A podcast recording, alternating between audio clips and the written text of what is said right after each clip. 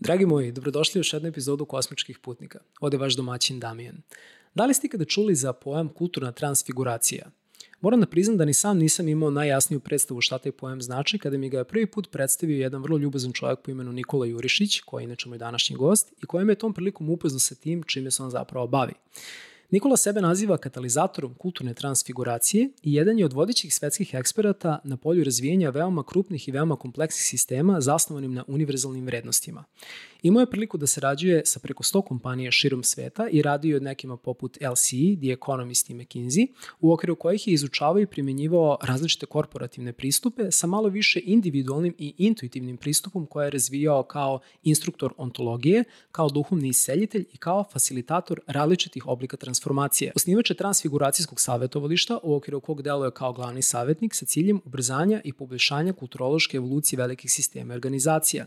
Radio je na razvijenju kulture u okviru velikih korporacijskih projekata koji su uključivali na desetine hiljada ljudi i u tim uslovima imao priliku da se upozna, da izuči i da integriše potpuno različite kulturološke narative nacije širom planete Zemlje. Imao je priliku da boravi preko 100 zemalja, živeo je njih 20 i iako je poreklom iz Beograda, konkretno iz Zemuna, sebe istinski smatra Balkancem. Uprko svojoj veoma uspešnoj internacionalnoj karijeri transfiguracijskog savjetnika, jedna od bitnih životnih misija Nikole jeste bavljenje osvešćivanjem i prevazilaženjem kolektivnih trauma Balkana. U današnjoj epizodi smo razgovarali o tome šta predstavlja pojam kulturne transfiguracije, kao i o tome koji je bio Nikolin unutrašnji preobražaj koji je doveo do toga da se on bavi jednim spoljašnjim. Pričali smo i o principima na kojima bi trebalo da bude zasnovano jedno društvo koje teži harmoniji duhovnog i materijalnog rasta. Razgovarali smo i o pojmu kolektivnih trauma i zašto je bitno da ih mi, posebno kao jedan narod sa Balkana koji je izložen vekovnim traumama, osvestimo i po mogućnosti prevaziđemo. O svemu tome još puno, puno toga ćete slušati u današnjoj epizodi i iskreno se nadam da ćete uživati u njoj kao i što sam ja dok sam je pravio. Uživajte i vidimo se u kosmičkim putnicima. Nikola, dobrodošao u Kosmičke putnike. Velika mi je čast i zadovoljstvo što imam priliku danas da te ugostim, posebno zato što si ti čovek koji vodi da je tako da kažemo, poprilično dinamičan lifestyle um, zapravo nisi toliko često u Srbiji. E, mi smo imali priliku da se upoznamo pre neke dve nedelje i prilikom tog razgovora smo pričali o svemu i svačemu vrlo zanimljivom o čemu ćemo danas razgovorati u ovom podcastu. I kada smo pričali o tvojoj profesiji, tada si mi rekao prvi put, u stvari, da si, prvi put sam čuo za taj pojam, da si ti u stvari katalizator kulturne transfiguracije. E sad, mislim da bi ova naša današnja razmena mogla da bude jedan lep nastavak tog razgovora koji smo pokrenuli tog dana kada smo se uživo upoznali. I nismo završili. I nismo završili, da. I zamolio bih te da i mojim gledalcima i meni malo detaljnije pojasniš šta u stvari znači biti katalizator kulturne transfiguracije. Pa ajde da krenemo ovaj, svaki pojam po na osob. Znači prvo kultura. Kultura je, da kažem, skup kolektivnih ponašanja. Uh mhm. -huh znači, kad idemo iz jedne države u drugu, iz jedne firme u drugu, iz jedne porodice u drugu, vidimo da su jednostavno neke norme ponašanja drugačije. Kako se ljudi ophode jedni prema drugima, nekad se to zove na engleskom jedan čovjek to nazvao the smell of the place, ono kad uđeš i kakav ti je osjećaj, miris prostora, kakva je energija, kakva je atmosfera, da. Um, Tako da je to kultura uh, u smislu, kultura u smislu ponašanja, znači kako se ponašamo. Uh, a sad katalizacija je, znači, uh, početak nečega, znači neka vrsta uh, paljenja varnice ili iniciranja. Iniciranja, znači u tom smislu.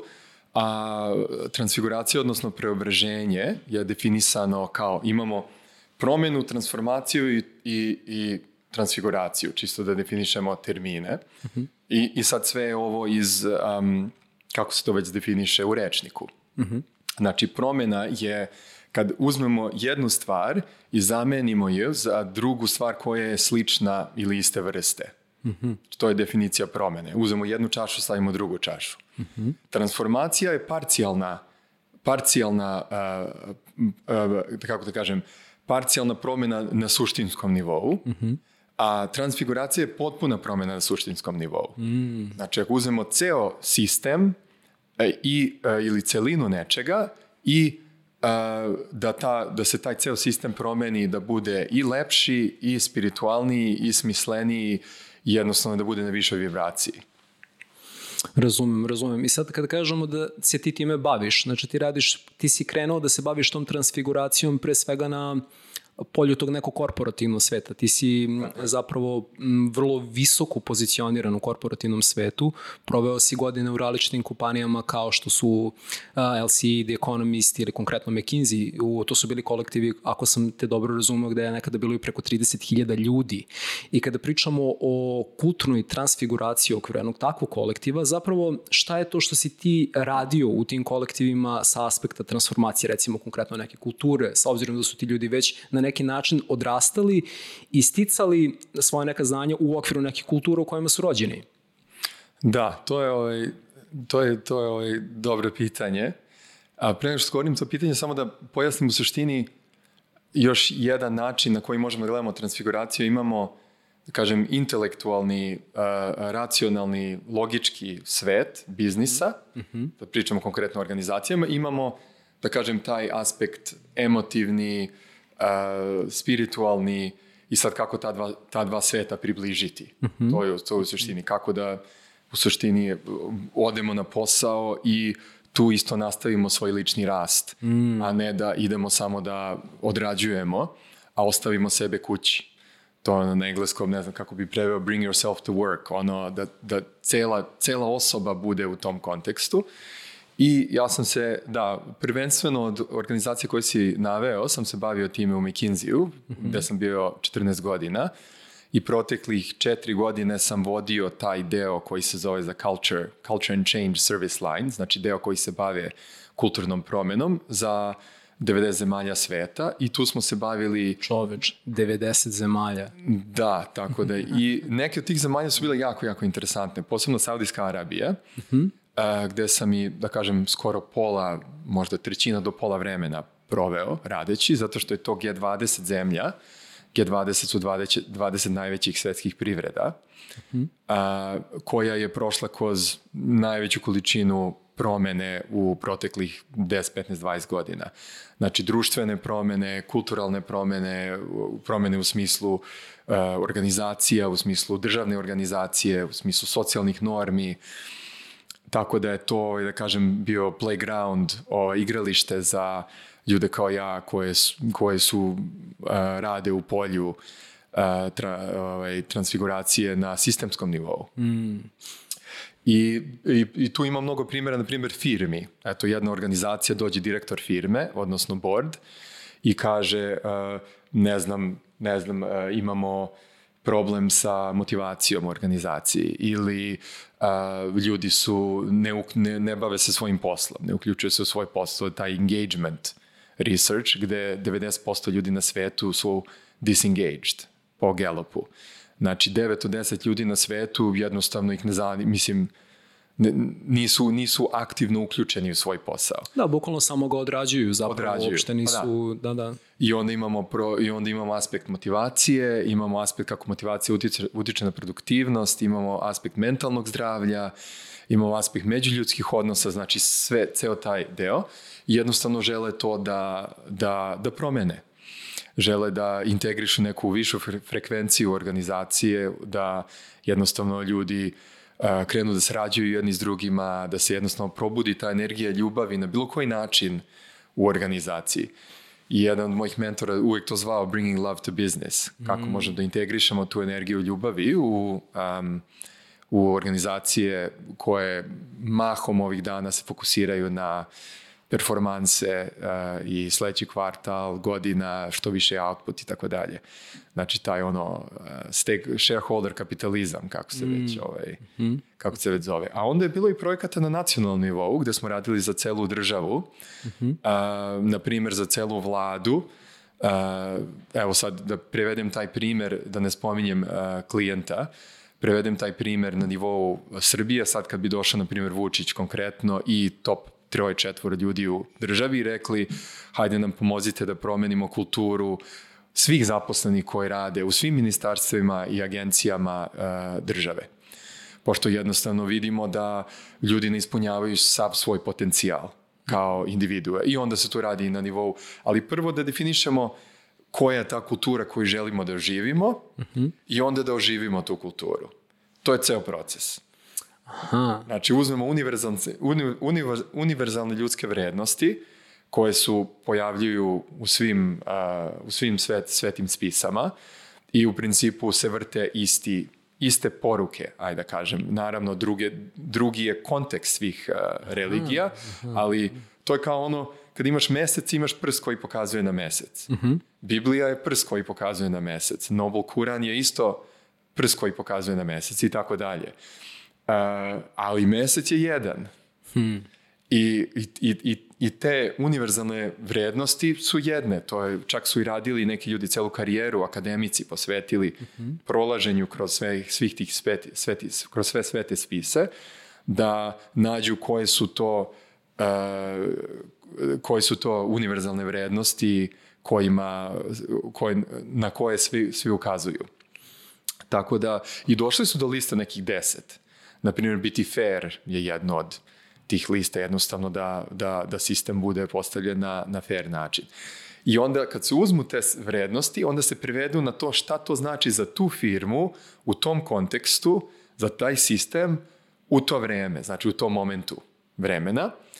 I znači definiše se skroz na nivou ponašanja koji mogu da jednostavno primetiš. Da kažeš moj kolega to radi ili to ne radi i onda se oži, oživljavaju ta ponašanja kroz različite sisteme, procese i tako dalje. Tako da sad to je ono možemo satima samo o tome da pričamo. A, zvu, zvuči kao nevjerovatno kompleksan postupak i baš me zanima, s obzirom da, ajde ako bismo mogli tako da kažemo da je možda negde u nekom našem nesvesnom zapisano šta jesu ti neki, da kažem, pravi ispravni principi. Da li je kada ste pokušali da ih integrišete, eto sad recimo kada smo već načeli neku temu sa organizacijama, da li je a, kolektiv kao takav reagovao pozitivno na te neke promene, da li ih je na intuitivnom nivou prepoznavao kao ispravne? Kažu kao da, ovo što ljudi pokušaju da rade u stvari ima smisla. Da li je bilo više prihvatanja ili više otpora kada ste pokušavali tako nešto da radite? Pa više otpora po definiciji. A, jednostavno te, teorije sistemskih promena im, um, ljudi gravitiraju, ajde ako kažemo da uh, ima neka linija koja ide sa niže svesti ka više svesti. Dobro. I to je, uh, za gledalce koji su zainteresovani da uđu dublje u to, Ken Wilber je u svojoj knjizi Integralna psihologija. Mm -hmm. To ja... Ostavit ćemo link u opisu, tako da... Jako lepo opisao, ovaj, gde je uzeo sve teorije razvoja u psihologiji, u filozofiji, ikada koje su postojale, ne znam, sto njih, i sve ih je postavio na tu jednu liniju sa manje razvoja na više razvoja. Mm. Uh, I sad to može da bude kognitivni razvoj, može da bude emotivni razvoj, može da bude razvoj emotivne inteligencije, može da bude razvoj, može da bude razvoj svesti mm -hmm. uh, i tako dalje. Uh, I sad, um, na svaka organizacija gravitira negde na toj skali. Mm -hmm. Svaki sistem, Bal Balkan kao region, Istočna Evropa kao region, Evropa kao region, Uh, znači, gde, gde, gde gravitira na tom nivou razvoja i onda većina će gravitirati negde na nekom nivou. Ali neki procenat, par procenata, vuku sistem ka gore. Mm -hmm. I neki vuku ka dole, naravno. I sad ti koji vuku ka gore i ka dole će eventualno dati otkaz, dobiti otkaz, otići iz države, preseliti se napolje i tako dalje ako sistem ne prepozna da su oni u, su, u suštini evolutivna tendencija, Aha. A, to su Dan i Chip Heath nazvali bright spots u sistemu, znači te svetle tačke koje treba imati metodologiju da se te svetle tačke prepoznaju, hmm. da se oglase, da se osnaže i da se, podrž, da se podrže kako bi onda oni povukli ceo sistem na sledeći nivo razvoja. Hmm. I to je nema kraja. Prvi čovek koji radio istraživanje na temu da kažem, svesti kolektivne je Claire Graves u 60. godinama, akademsko istraživanje, rigorozno, gde je naš osam nivoa svesti i njegova knjiga se zove The Never Ending Quest. -huh. Znači, to je, ovaj, ne znam kako bi quest preveo. Pa možemo da preveli bismo ga kao pa potraga, mislim, mogli bismo neka vrsta, tako da, da, da. neka vrsta potrage, e, misije, Da. Da, hodočašća. Ili... Hodočašće, da, ali opet... Da, Nešto. to bi bio pilgrimage zapravo na engleskom, da, da. ali opet s druge, da, quest zapravo savršeno opisuje to što treba. Ima neki aspekt hodočašća, da, da, da. ali to je znači, to je, to je, ta, to je taj proces koji se nikad ne, nikad ne završava. Znači, isto kada kažeš, Da li, da li ćeš ti do, na, ličnu, na ličnom nivou doći do kraja svog evolutivnog procesa, kako god to nazvao, mm. Ovaj, do kraja svog života. Ili da li ću ja? Ovaj, male su šanse. Šanse su da je to proces koji traje i nastavit će na nivou društva, već traje stotinama hiljada godina i naravno ubrzo se u proteklih par par stotina godina. Zato je baš zabavno živjeti u ovom vremenu u, koje, u kojem živimo. Da, definitivno se slažem sa tim. Mislim da su ova vremena, uprko svim izazovima koje nose naj, najinteresantije vremena, ono ikada, u skladu sa svim što imamo danas. Uh, hteo sam samo da se vratim na uh, koji korak unazad, kada smo pričali generalno o konceptu transfiguracije. Ono što sam hteo da te pitam jeste kada je zapravo, odnosno šta je uticalo na to da se inicira proces tvoje unutrašnje transfiguracije koji je doveo do toga da ti želiš na jedan holistički način da integrišeš principe povezanosti, razumevanja, ljubavi i duhovnosti između ostalog na nivou tog nekog često vrlo surovog i hladnog korporativnog sveta. Znači šta je bilo to što je zapravo prethodilo tome čime se ti danas baviš u spoljašnjem svetu? Pa nekako moj ceo život, ovaj, nekako se sve tako sklapa. Uh, prvo, prvo i osnovno gde sam se rodio. Znači, uh, ja sam se rodio 81. godine.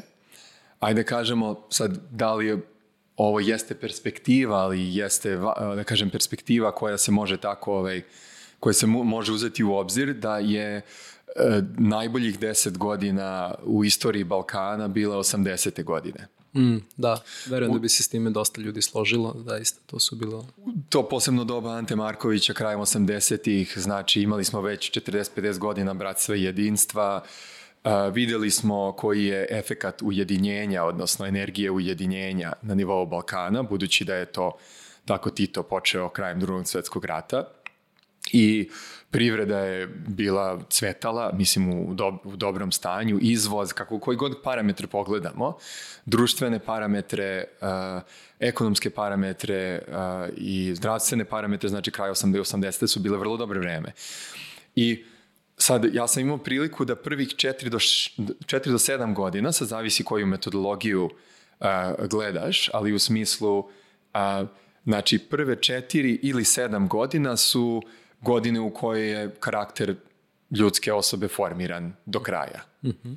To je jednostavno iz teorije psihologije i tako dalje, posebno taj developmental, odnosno razvojna uh, psihologija, da ovaj karakter se formira do tad. Znači ja sam imao cel, te formativne godine su mi bile u tom dobu mm. da imam u svojim ćelijama osjećam kako može da bude. Mm. Znači i koliko bi još bolje moglo da bude. Znači imam taj neki program. A plus sam genetski po genetskom, uh, genetskoj analizi među 71% i 100% sa zapadnog Balkana.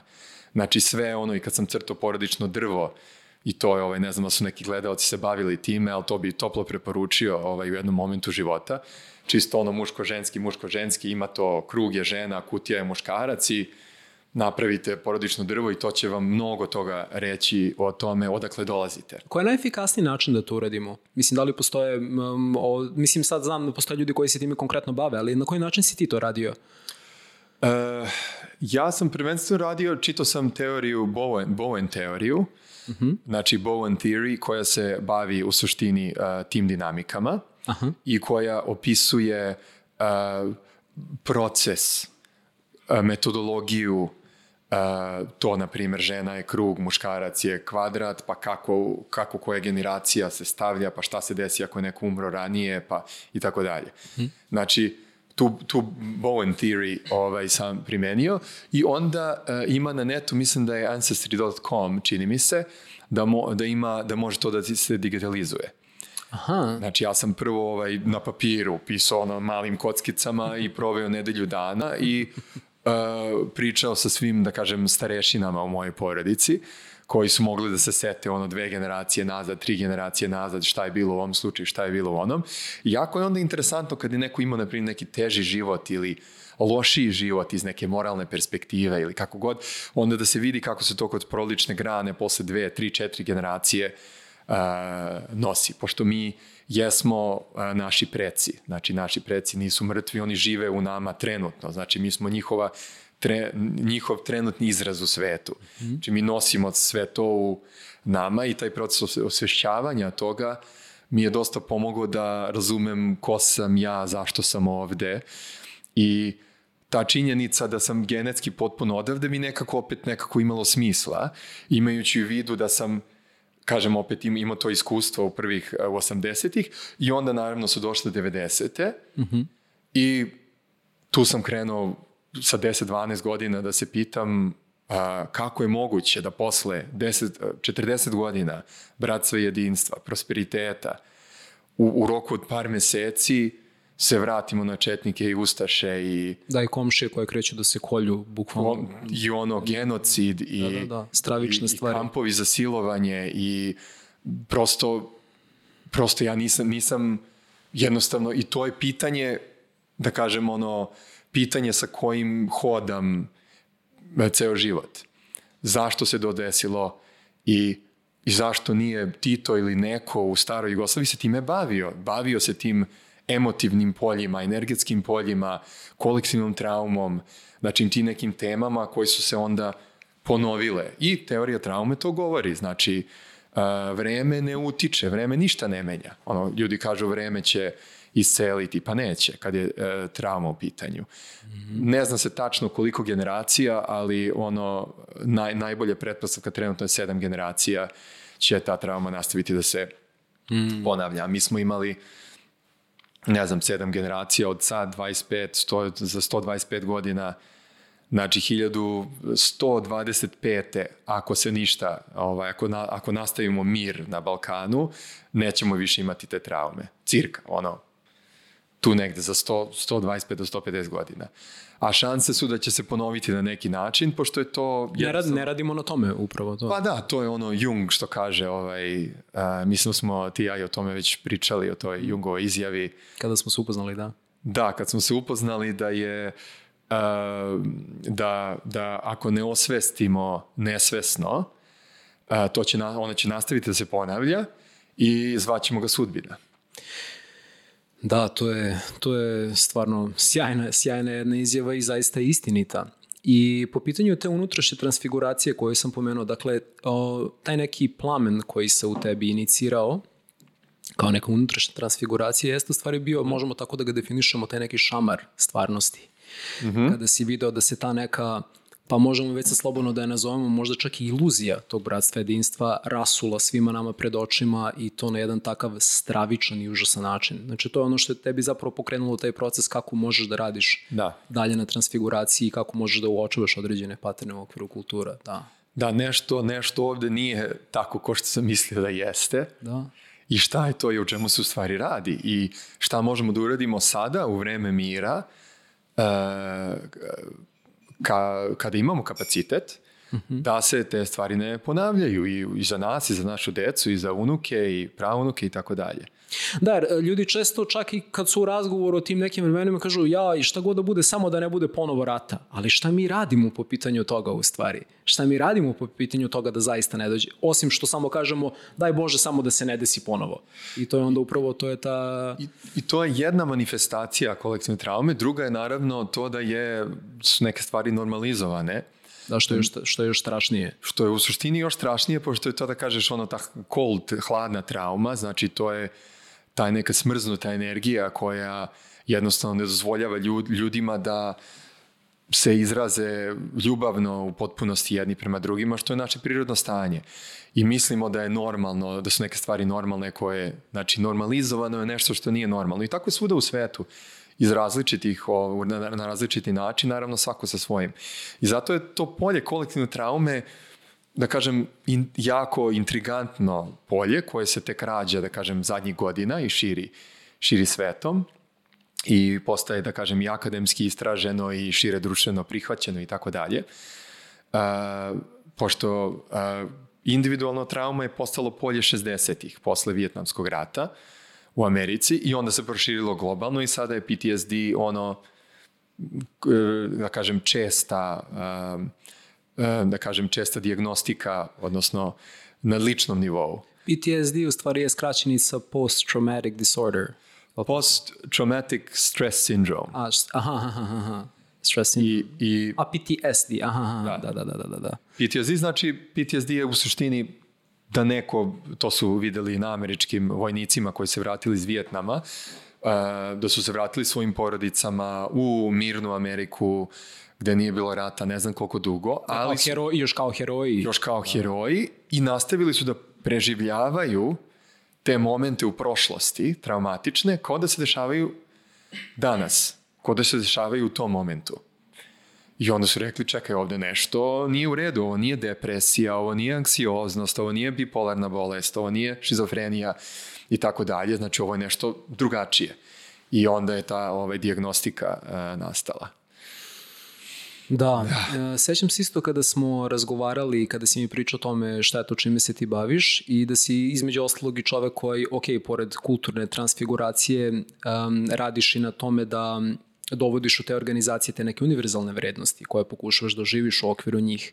Pričao si mi, pomenuo si jedan poem koji mi se baš urezao u sećanje, a taj poem jeste meta mindset. I sećam se da mi je to baš onako ostalo živo u pamćenju i hteo sam da te pitam, u stvari šta predstavlja poem meta mindseta kao takav i koga je definisao?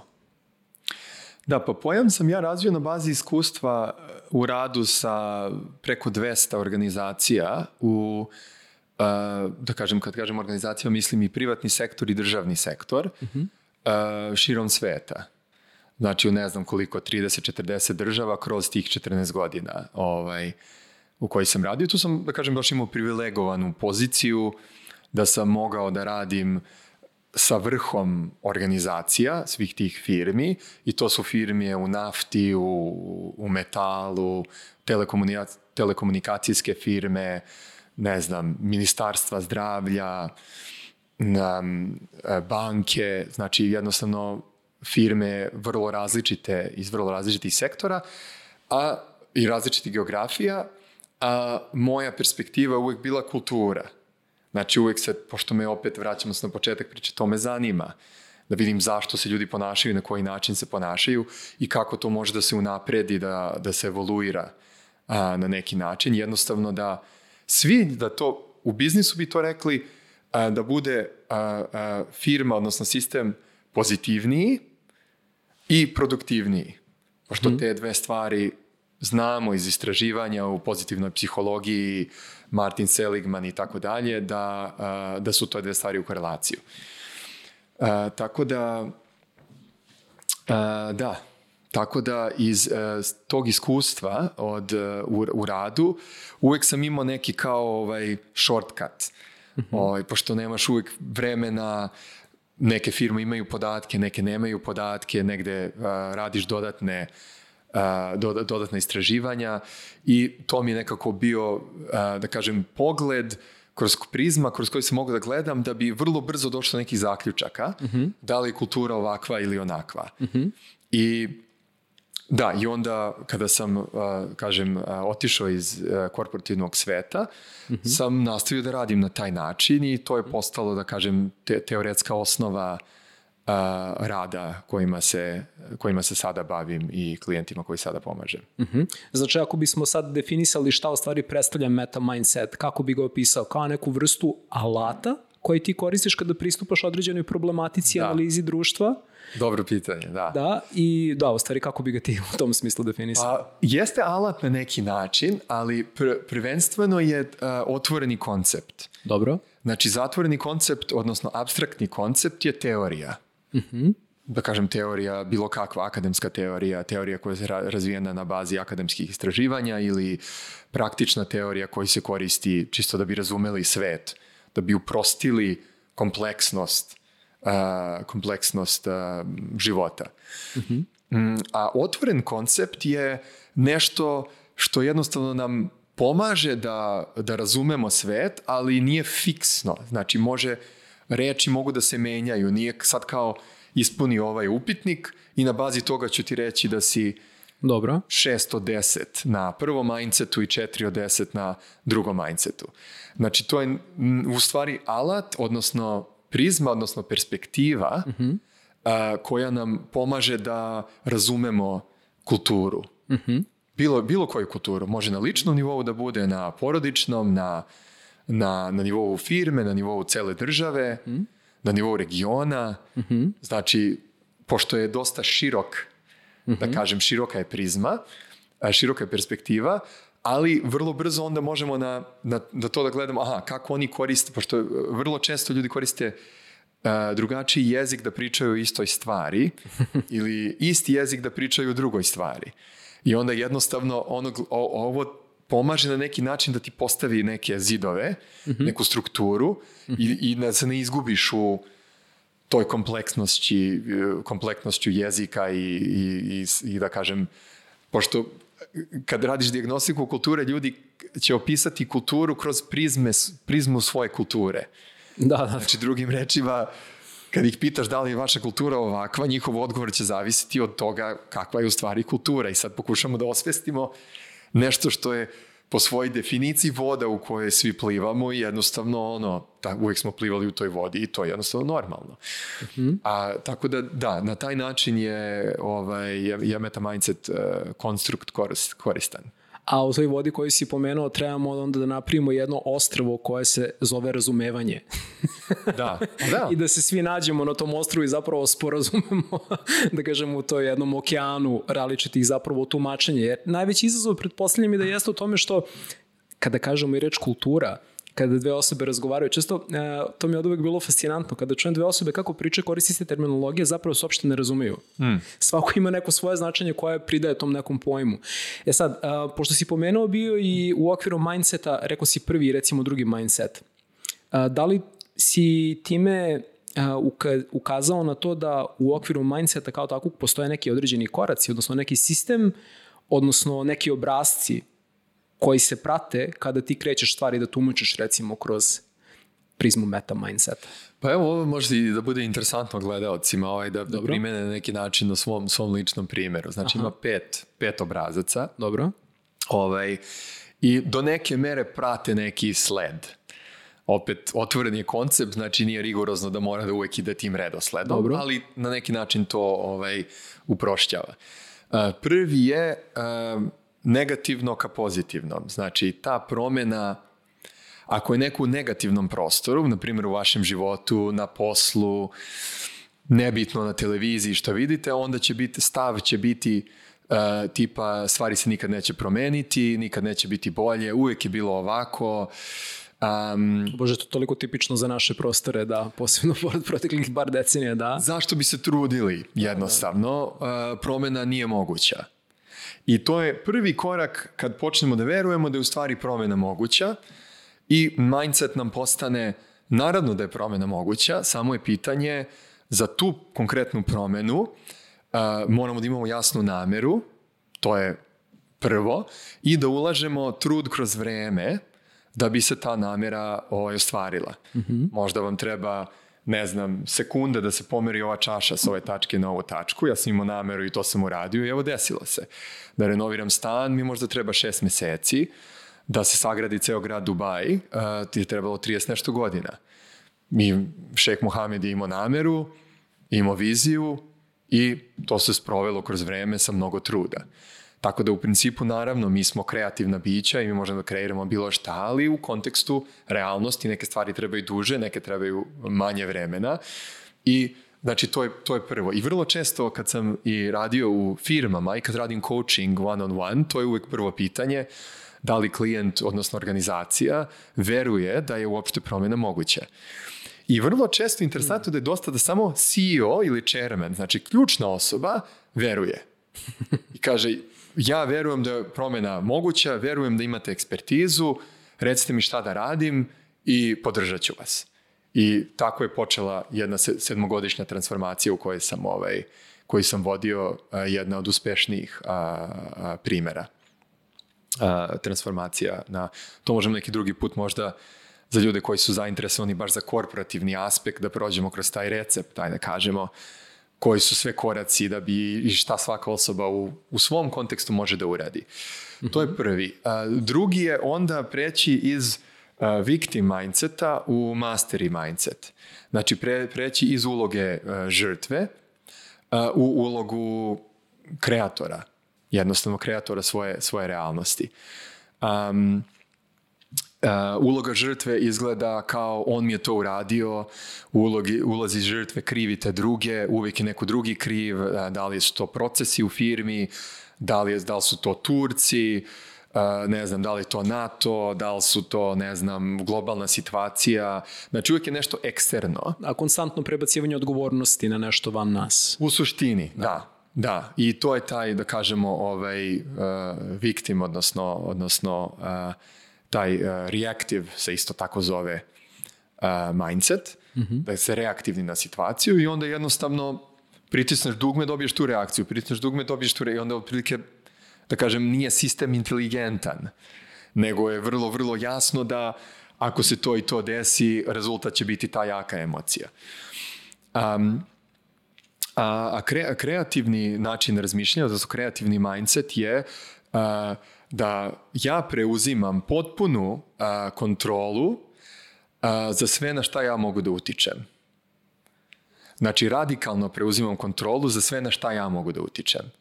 I onda gledam koje tražim rešenje mm -hmm. u, svom, u svom kontekstu.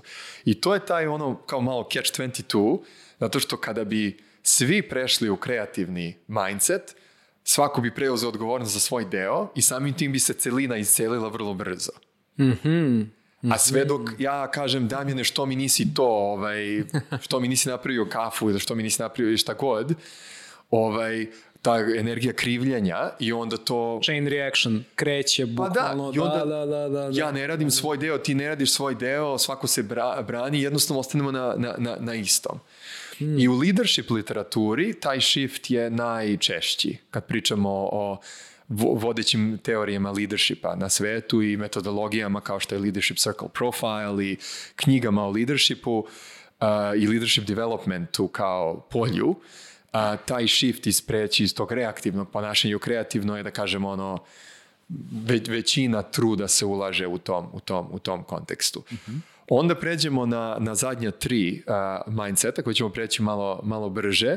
Dobro. Uh, prvi je lose-lose, uh, odnosno ja, ja gubim, ti gubiš. Da komši umre krava. Da komši umre krava, da. Drugi je ovaj, uh, win-lose, znači po, pobjeda gubitnik, što je drugim rečima uh, kapitalizam. Jednostavno, kapitalizam je tako postavljen osnovna pretpostavka ekonomije, a ja sam studirao ekonomiju na Londonskoj školi ekonomije i na, prvoj, na prvom predavanju, odnosno ekonomiju i management, a na prvom predavanju iz ekonomije, ekonomija 101, 101 nam je Danny Kua koji je globalni, da kažem, ono, guru profesor iz ekonomije, rekao ekonomija ima dve osnovne.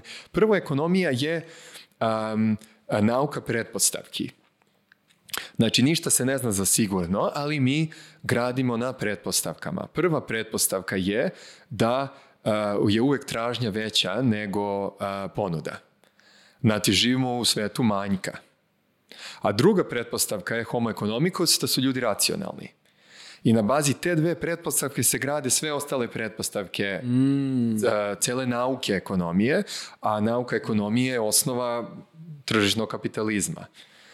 Uh, tako da je jako, jako interesantno da je osnova našeg sistema koji se proširio svetom posle pada Berlinskog zida, taj win-lose mindset. I sad to nije ništa dobro loše, jednostavno primećujemo da je, mm. to je taj iz, iz perspektive trećeg mindseta, kultura je win-lose, ja hoću da budem najveća firma, ja hoću da, ne znam, da moj, ja sam, ne znam, ono, Microsoft i hoću da pobedim Google, Google hoće da bude veći od Microsofta. Uh, I onda se tu takmiče jedna banka protiv druge, jedna telekomunikacijska firma protiv druge. I I to je ta, ono, da kažem, takmičarski duh koji naravno opet nije, nije loš, nego je pojenta integracija i toga kako bi prešli na win-win mindset, gde, gde je u suštini priroda, gde smo u sinergiji, mm -hmm. u simbiozi jedni s drugima i uvek tražimo kako možemo da nađemo taj prostor između nas, svih nas koji učestvujemo, koji je win-win-win prostor. I u svim situacijama taj prostor je tu. To je uh, win-win mindset da u svakoj situaciji, koliko god ona bila teška, koliko god se ja osjećao kao žrtva, koliko god uh, ne bile fair neka situacija itd. Znači uvek je moguće naći taj prostor gde možemo svi da svi da zajedno, zajedno pobeđujemo. Uh, I onda prelazimo na četvrti, što je us versus them i prelazimo na there's only us. Znači, us versus them mindset je te podele, ne znam, mi smo imali ratove naselja kad sam odrastao, ovaj, mm -hmm. ili ratove škola, ova škola protiv one škole, ili u, u samom ratu 90-ih su naravno imali strane. Uh, u organizacijama se to zove silosi, manja kolaboracija, ne znam, marketing misli da je bolji od produkta, ne znam koji misli da je bolje od strategije, ovi strategije samo nešto razmišljaju, mi bar prevodimo u konkretno u proizvode, a marketing tamo samo ide i priča i prodaje. A marketing opet, ako mi ne prodamo proizvod, šta će nam uopšte proizvod, nemamo pravi proizvod. I tako se stvaraju, da kažem, uh, silosi. A uh, unity mindset, odnosno uh, there's only really us, samo mi postojimo, je uh, mindset gde veruješ da Uh, ja, da, ja radim u marketingu ili ja radim u ministarstvu zdravlja ili ministarstvu transporta, um, ali moja uloga je ja gledam iz perspektive celine i radim svoj posao u kontekstu tog posla koji već radim, nebitno, u call centru, uh, pro, prodajem na terenu, ne znam, ne, nije ni bitno, sedim u kancelariji, analize, radim analize, nije ni bitno šta radim konkretno, ali to radim iz perspektive celoga, iz perspektive mm -hmm. celine. Mm -hmm. Znači, u spiritualnosti bi, te, bi se to zvalo unity consciousness, odnosno u istočnačkoj a, filozofiji bi se zvalo advaita, odnosno taj non, non-duality. Mm -hmm. A opet kod nas, u, u a, ne znam da li otac, otac Tadej ili neko od naših svetaca rekao da ovaj, u, u hrišćanstvu imamo, da ljudska priroda je dualna, imamo duplu prirodu, imamo zemaljsku i nebesku prirodu. I ta nebeska priroda je ta, da kažem, taj prostor gde smo svi jedno. A ova zemaljska je naravno gde smo podeljeni. Mm -hmm. Tako da ako nam je svest na nivou mi smo jedno, a onda u podeli svako radi svoj deo, mm -hmm. Onda će se sve jednostavno otvoriti i razviti mm. samo po sebi. I da kažem, to je taj, i, i tako isto u firmama, vrlo brzo može da se zaključi, ok, koji je nivo silasa u firmi, do, koje, do kog nivoa ljudi komuniciraju jedni s drugima. Mm -hmm. Ili su, svako je u svome i onda to smo zvali communication arcs, znači ja svom šefu, moj šef, ovom šefu i dođe skroz na vrh i onda šefovi pričaju i onda se spušta na drugoj strani kroz, kroz taj department mm. ovaj, na drugoj strani i onda komunikacija se opet vraća. Ili svako, svako radi svoj deo iz, iz celog. I na kraju, e, peti mindset je jednostavno vezan za, za spomenuli smo da li je sistem fair ili ne.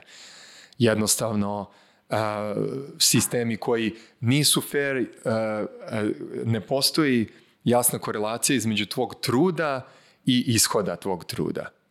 Znači, ja mogu da se trudim u firmi da radim 10, 15, 20 godina ili u životu, u društvu da gradim karijeru, i onda dođe neko preko veze, političke ili bilo koje druge. Kumsko, kumsko zapošljavanje. Koje, I onda sam na Balkan. što sam se ja trudio. Da, da, da, bukvalno svet oko nas nam govori da to u što mi verujemo da će trud, vreme, posvećenost da se isplati, odjedan put oko sebe vidimo ljude koji su uspešni na toj nekoj lestvici od nas, a jednostavno nisu uložili ni trun toga što mi radimo. I, i ne mora samo, kažem, u drugim kulturama, na primjer u, u Saudijskoj Arabiji je to taj tribal kao kultura, Im, imaju, imaju a, a, a, tu kulturu i onda negde preko te ili ne znam u nekom drugom razvijenijem svetu na zapadu se to možda desi zbog veza, zbog odnosa s ljudima. Mm -hmm. Jednostavno imaš ono e, jako, jako dobre odnose s ljudima, ali možda nemaš tehničku kompetenciju, pa se zbog toga napreduješ, što možda opet nije potpuno fair, ali opet imaš neku, znači pojavljuje se na različite načine, nije samo ovaj kod nas.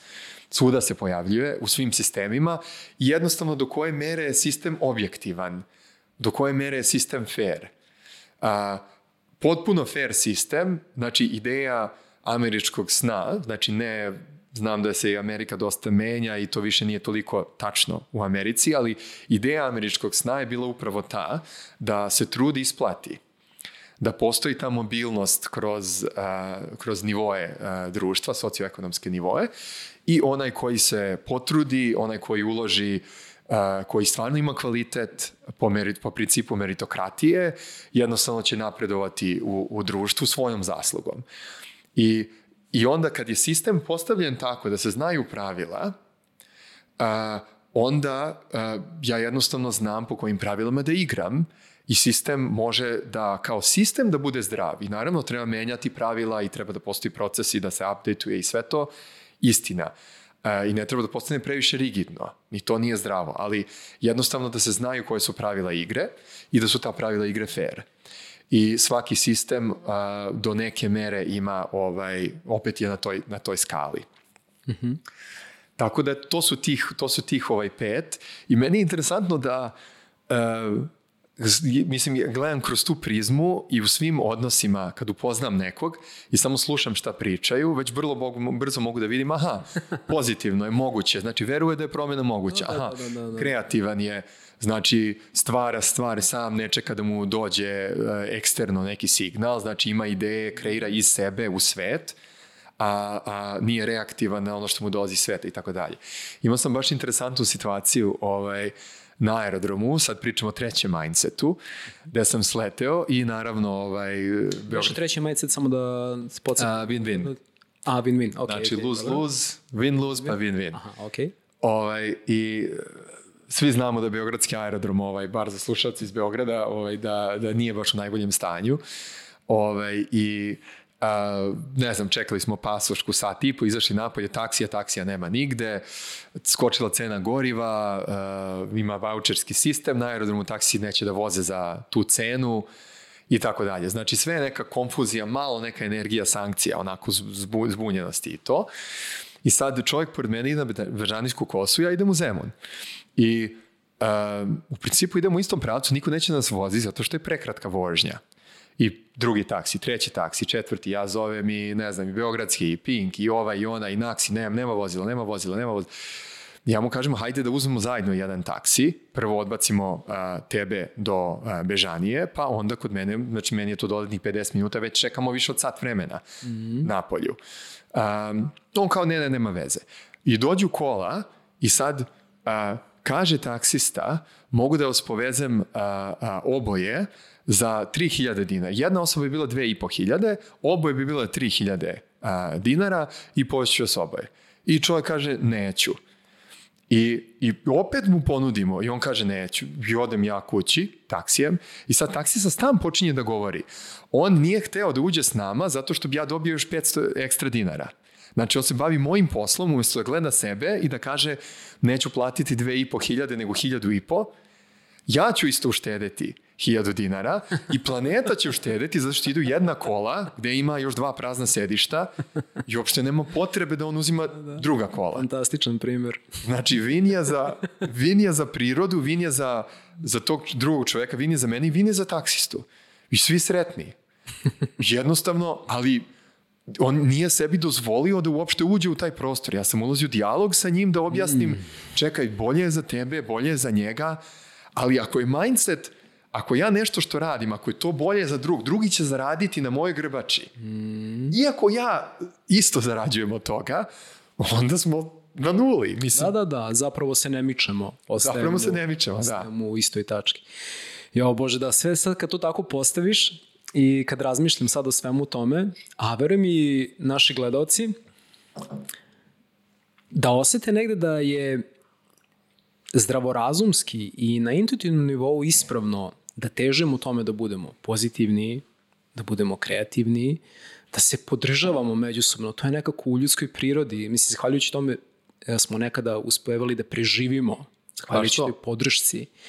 Da. da težimo toj nekoj vrsti ujedinjenja, kao što si rekao i što si fenomenalno povezao sa a, duhovnošću, da zapravo mi na ovoj ravni jesmo podeljeni, ali da se duhovni rast može opisati kao jedna spoznaja ka tome da smo mi svi jedno podeljeno u mnoštvo i da trebamo da težimo tom jednom, da kažem, načinu življenja koje je zasnovan na win-win principu koji je i tekako moguć, koji je dokazano moguć, zašto za Boga onda to sve ne radimo? Da, pa to je ovaj odlično pitanje. A, zašto se to ne... Pa evo, taksisu sam ja pitao. Zašto se to ne... Ko se time bavi? To sam ga pitao. Evo, rekao, vi ste meni krenuli da pričate o tome da ovaj nije hteo zbog toga što ćete vi dobiti benefit od njega. Ko se time bavi? I on je prvo odgovorio porodica kao, porodica bi trebalo time da se bavi, Uh, I onda sam ga pitao, ali konkretno, znači na nivou društva, smo se mi više bavili time uh, za vreme, ne znam, Jugoslavije. Imali smo pionire, imali smo bratstvo i jedinstvo, znači sad neki od tih aspekata su i u teoriji ovaj, da ne ulazim sad u teoriji sistemske promene, ali u teoriji sistemske promene atributi koji utiču na, na, na, na, ovaj, na, na pozitivni ishod. I uh, u, ko se danas bavi time, generalno, mislim, kod nas, ne znam da se iko bavi, ja sam dosta istraživao na nivou Balkana, ne postoji ministarstvo za kulturu ili ministarstvo za preobraženje ili ministarstvo za, naravno, ima raznih ministarstva koji su negde vezani. U korporativnom kontekstu, um, u korporativnom kontekstu možda je to možda malo jednostavnije, uglavnom ne postoji entitet koji se time bavi. Nekad se bavi HR, zato što moraju procedure da se menjaju, procesi, biramo ljude u rekrutmentu uh, na bazi tih kriterijuma. Znači ne samo na performansama, nego i na karakternim osobinama, odnosno vrednostima, odnosno mere na koji, do koje se ono uklapaju u našu kulturu. Onda uh, performanse, performance management i ceo taj aspekt o, ocenjivanju ovaj, uključuje i taj aspekt. Znači HR je bitan.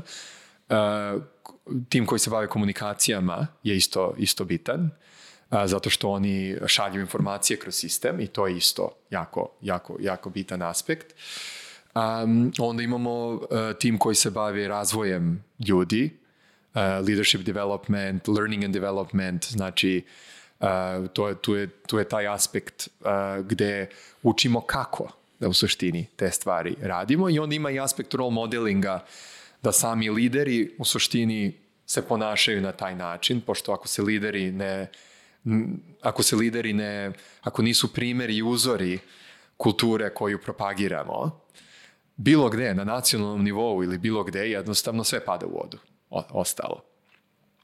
Da, jer ako mi nemamo te, ro, bukvalno taj role models, kako bi rekao, koji nama pokazuje te vrednosti i vrline, zapravo čas sad nam demonstriraju uglavnom suprotno, nije ni čudo što idemo putem kojim idemo. Da. I zato u organizacijama I idealno je u sistemu, ajde pričamo bilo kom sistemu, da postoji mali tim ljudi koji orkestrira. Znači, koji ne, ne vodi HR ili, ne znam, nije ministarstvo obrazovanja ili, nego jednostavno orkestrira taj proces kulturne evolucije a, na nivou tog datog sistema. Znači, ne znam, možda bude na nivou sistema države Amerike, možda bude na nivou na nivou države Srbije, na nivou regiona, nije ni bitno, ali tim koji se ne, koji, znači, vrlo je to bitna razlika da oni, pošto je ta količina posla koja je potrebno da se kreira nova kultura je ogromna, mm -hmm. uh, ali oni jednostavno rade tu, uh, ne, nekad sam pravio slajd ovako kao da imate um, um, uh, kao pravce, strelice koje idu u raznim pravcima.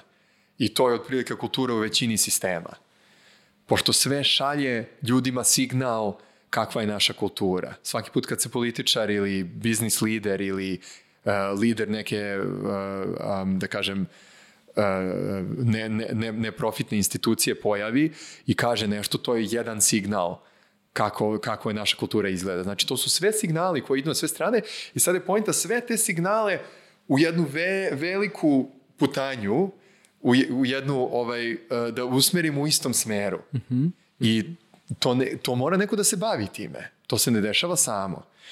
I ja uvek kažem, kultura, um, pitanje je samo da li svesno razvijate svoju kulturu mm -hmm. ili je puštate da se ona stihijski samo po sebi razvija kao rezultat svih ostalih odluka i, i ovaj procesa i prioriteta i uh, tako dalje. Znači, nije pitanje da li kultura tu ili nije.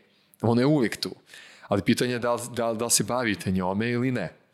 I to isto u firmama. Isto ovaj. I većina firmi dan danas se ne bave aktivno -hmm. a, tom temom, zato što jednostavno ne smatraju da je to prioritet. Ovaj, fokusiraju se jednostavno na sledeći kvartal, na sledeću godinu, na materijalno materijalno ovaj konkretne stvari, a ne na ljudsko um, kažem, energetsko, ovaj, spiritualne ovaj, stvari.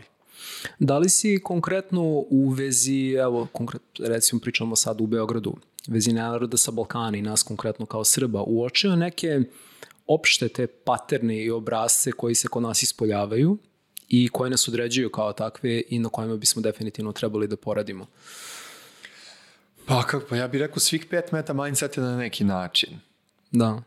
Znači prvo da krenemo od, od, od, od tačke da je, da je promena, promena moguća Mhm. i, da, i da je velika pozitivna promena moguća i to u, u relativno kratkom roku. A, I onda da svako preuzme odgovornost za svoj deo. A, znači to je, to je drugi. Iz perspektive, a, iz perspektive celine, iz perspektive tog ono unitija. Znači ja, ja sam ko si ti. Znači mi smo u suštini bez tih i tu je sad, tu sad ulazimo i u polje kolektivne traume gde to je negde da kažem početak ovaj priče. I upravo to sam ih htio da te pitam. Deluje mi kao da nekada postoji nešto malo dublje, što nije samo obrazovnog tipa. Da. Nešto dublje, upravo si sad pomenuo traume. Da li misliš da su traume na neki način kolektivne i tekako vezane za to što da nas one na neki način sprečavaju da, Da. pratimo principe mindseta kao što si ih definisao. Prvo je jako bitno reći za, za individualnu i kolektivnu traumu da je trauma inteligentan sistem. Znači, zahvaliti se i e, biti svestan toga da nismo imali taj sistem, a, jednostavno u momentu kada se previše energije je se strovali na nas u životu i nemamo kapacitet da, da tu energiju držimo, mogli bi da se srušimo jednostavno ovaj, kao ličnost i da nemamo više ne, ne možemo više da živimo život. I mi, mislim, mi svi kao kolektivno, kao globalno, još uvijek živ, živimo svoj život, uspešni smo, idemo u škole, radimo, sarađujemo jedni s drugima, putujemo po svetu, kreiramo nove stvari, zato što je sistem traume smrzno taj aspekt nas, kada se trauma desila, kako bi ostali deo sistema mogu da se razvija prirodno. Ne znam, to si možda primetio, neko ko ti se čini ono kao, wow, baš je, ne znam, a, a, čovek razvijen, koji je, ne znam, i putovo i, i, i, i, i, i, i, studirao i, da kažeš, onako impresivan, u jednom momentu se nešto desi, ono, odjednom počne da se ponaša kao dete. Bukvalno i to u teoriji traume, ti se vratiš na tu tačku kada se ta trauma desila I kada se zamrzla. zamrzla sa 17 godina. Sa, a, ja i moja partnerka nekad pitamo jedno drugo, ono, ono, koliko godina imaš trenutno? Čisto da osvesti taj moment kao onak šest. Aha, ok, šta se desilo kad si imala šest godina? Aha, to ok, opet smo na toj traumi, kako mogu da ti pomognem? Itd. I to je jako bitan aspekt taj pokret uh, iz projekcije u pokret ka sebi. Znači, mi vidimo svet ne kakav je svet, nego vidimo svet kakvi smo, kakvi smo mi. I to sad ima na hiljadu različitih načina, kroz, kroz razne discipline se pokazuje opet taj isti princip.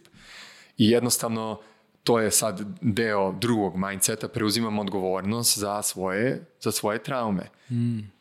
A, to sam baš juče pričao s jednom drugaricom koja, koja radi, a, radi sa mnom a, i, a, i koleginicom i drugaricom mogu da kažem.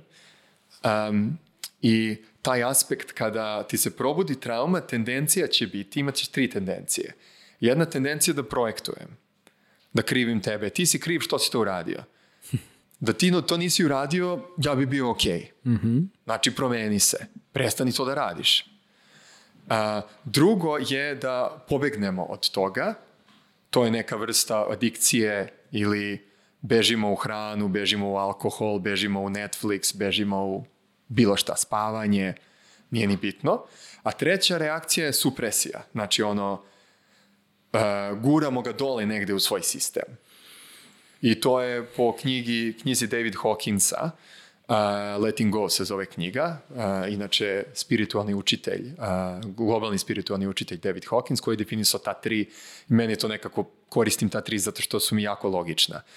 I sad alternativa je da jednostavno kaže čekaj, neću da projektujem tebe, neću da bežim i neću da guram dok ne eksplodira, nego ću jednostavno da dozvolim sebi da osetim koliko sam u tom momentu spreman, koliko, koliko taj ono, oduzimaš malo kao ko kad radiš na kamenu pa mali komad kamena, mali komad kamena dok se napravi statua. Znači, oduzimamo polako, komad po komad, budući koliko imamo u odnosu na kapacitet u tom momentu.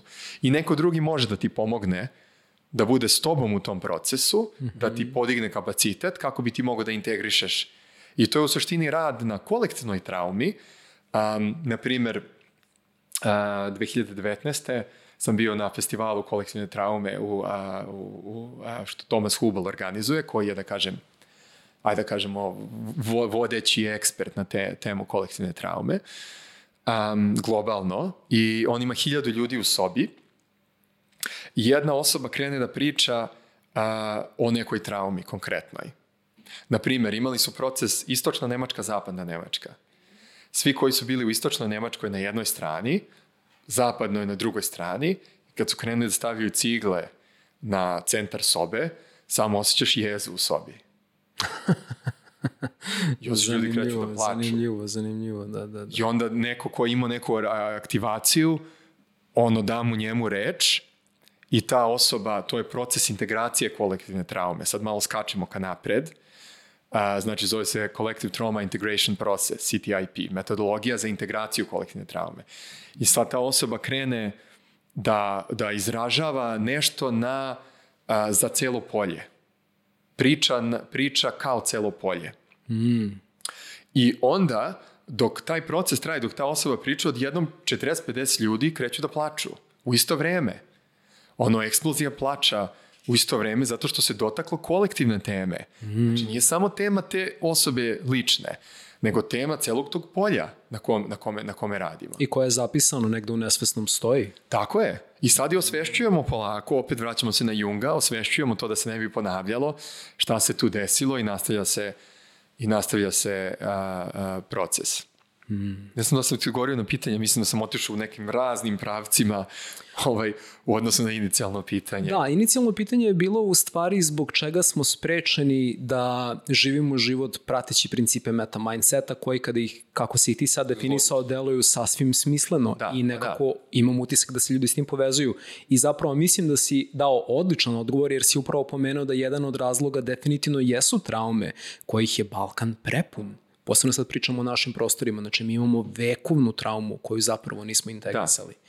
I to je u stvari ono što je, i moje e, zapravo pitanje je bilo kako, šta je to što nas prečava, na neki način si dao odgovor kad si rekao da su to traume, a sledeće pitanje je bilo kako bi ti uopšte definisao pojam kolektivne traume. Na neki način si krenuo da definišeš kroz ovaj primer, ali sad sam teo konkretno se držim Balkana. Ako bismo definisali pojam za Balkan, kako bi ti definisao pojam kolektivne traume konkretno na Balkanu? Pa bilo šta što se desi, desi što je traumatično, desilo se većoj grupi, grupi ljudi u nekom vremenskom periodu. Ono, mislim, vrlo je, je jednostavno i um, da, evo daću, mogu da dam lični primer um, i da kažem, na, nažalost, nažalost je ovaj primer čest.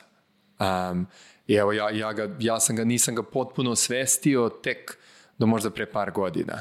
Mm -hmm. um, znači, prolazim sad u, zadnje, u zadnje vreme kroz neki proces, ono, gubim stvari, gubim pare, nekako u nekom sam procesu da imam osjećaj da šta god radim, nekako sam na, na gubitku. Mm -hmm. I sad krećem da razmišljam o tome zašto je, zašto je to tako. Imam osjećaj kao da nemam kontrolu nad tim. Kao da neka viša sila, jednostavno, ne znam, ukrali su mi skuter, pa neke pare sam izgubio, pa neki čo, ne, ne, uložio sam u nešto pa neće da mi vrate. Znači gomilo tako nekih stvari koje se dešavaju sve u kratkom roku. Ja se razmišljam o čemu se tu radi. I onda vraćam nazad, uh, moj otac u 40. mi je izgubio značajan procenat ukupne vrednosti, ukupni ono net wealth koji je, koji je imao, isto u 40. ja sam sad u 40. I onda vraćam nazad, njegov otac, moj deda, je uh, izgubio traktor u drugom svetskom ratu. Mm. Znači, traktor je ne samo bila najvrednija stvar koju smo mi u porodici imali, nego u tom selu je bio jedini traktor. I sad da mi to dođe neko i uzme ti to, to je kraj od čega ćeš da živiš. Uh, I sad vraćam se još jedna generacija nazad. Prvi svetski rat. Moj, znači sad, pradeda je izgubio svoj život u Prvom svetskom ratu, zato što su došli a, a, Nemci i stavili sve muškarce u podrumu našoj kući i bacili granatu u podrum. Gospode Bože. Da. I nažalost, nažalost, 50% muškaraca, statistički gledano, je umrlo u Prvom svjetskom ratu. Ne znam sad da li Srbija ili region Srbija, ajde da kažemo.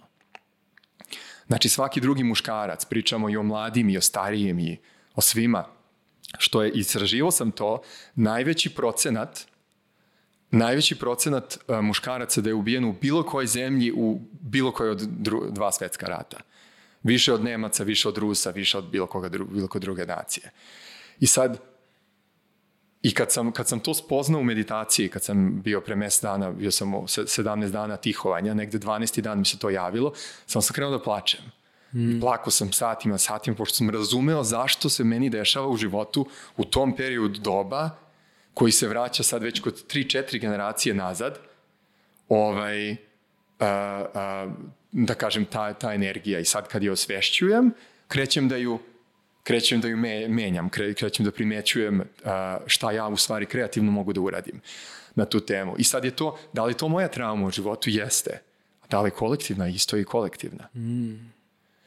Tako da to je u suštini taj, taj, ta veza između lične i kolektivne je, je, ovaj, je, je, je, je kolektivna. Da, i tu može da se napravi slična paralela kao s tim što smo pričali da na nekom više nivou smo svi jedno, dok smo ovde podeljeni, isto verovatno i sa traumama. Postoji ta jedna kolektivna trauma, mi smo, jesmo podeljeni, ali svakako smo povezani i sa njom, koja se manifestuje kroz nas da. kao manje celine. Upravo to o čemu si sad pričao. I to me dovodi baš do jednog bitnog, bitnog pitanja. Da li je ikada, ikada na Balkanu postojala bilo kakva inicijativa ozbiljna da se radi na osvešćivanju i na prevazilaženju kolektivnih trauma? Pa, pazi, ja, se, ja, ja mislim, deset godina mi je ovo primarna tema u životu, u smislu da sa svima s kojim pričam i dolazim u kontakt, raspitujem se, prikupljam podatke, a, a, konkret, postoje inicijative na temu rekoncilijacije, uh, posleratne rekoncilijacije, na primjer Post-Conflict Research Center, PCRC u Sarajevu, se bavi istraživanjem na temu uh, konflikta koji je bio i šta se dešava posle konflikta. Tako da postoje neke institucije koje su blizu te tema, sigurno još više za koje ja nisam, ovaj, nisam upoznat i uh, i svakako ovaj, volao bi da upoznam bilo koga koji ima istu ovaj, misiju, odnosno svrhu. Um, jedino za što ja znam da se konkretno bavilo traumom je uh, Balkan Laboratory, to je bila laboratorija rada na kolektivnoj traumi, mm -hmm. koja je uh, inicirana 2020. godine i trajala 2021. 9 meseci. Uh, I to je bilo u polju Thomas Hubela. Znači, spomenuo sam ranije Thomas Hubela, koji je globalni, da kažem, inicijator. Da, koja je stvari Thomas Hubble, pošto si ga već pa, pomenuo? Pa, Thomas Hubble je, in, on je spiritualni učitelj, on je tako počeo. Uh, ukupljao je velike grupe ljudi, pričao o spiritualnim principima, bezvremenskim principima, mystical principles kako bi on to nazvao i onda je počeo da radi u korporativnom svetu dosta. Mm -hmm. Onda je, kako on to kaže, postao mystic in the marketplace. Ovaj, tako da je ovaj, bavio se dosta u korporativnom svetu i onda pre uh, pet godina mu je primarni fokus postala kolektivna trauma. Mm -hmm. Pre godinu i po dana je izdao prvu knjigu uh, koja se zove Isceljivanje kolektivne traume, odnosno Healing Collective Trauma, koja je prva knjiga ikad izdata na tu, na tu temu. I evo, pre tri dana se završio četvrti Collective Trauma Summit, što je online summit koji prikuplja eksperte iz uh, ne znam, iz, iz, iz traumaterapije, Gabor Matea, ne znam. Mm -hmm. Znači sve ljude u principu koji, uh, Peter Lavin, znači sve ljude koji su renomirani, Bessel, Bessel van der Kolk, koji je pisao Body Keeps the Score, koji je jedna od najpopularnijih te, znači 50 ljudi, ali i umetnika i bio je David White koji je ovaj pesnik ovaj, znači, uh, i aktivista i tako dalje. Znači, svih ljudi koji na neki širi način su na globalnom nivou renomirani da, da, da se bave i da ih interesuje kolektivna trauma. Mm -hmm. Tako da, um, da on je inicirao taj Pocket Project. Ideja Pocket Projecta je da, o, da imamo kao džepove isce, isceljenosti na svetu, kogu god taj mali bio džep i onda vremenom da se to proširi i da postane no, normalno.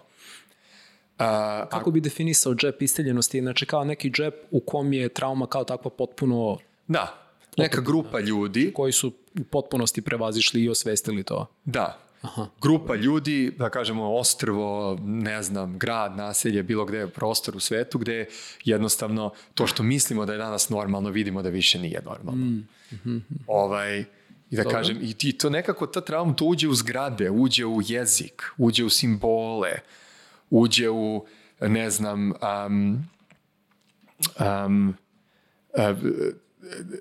u međuljudske odnose, u, uvuče se u sve te neke sfere i onda jednostavno kažemo, pa da, to je naša kultura, tako, tako, to je normalno.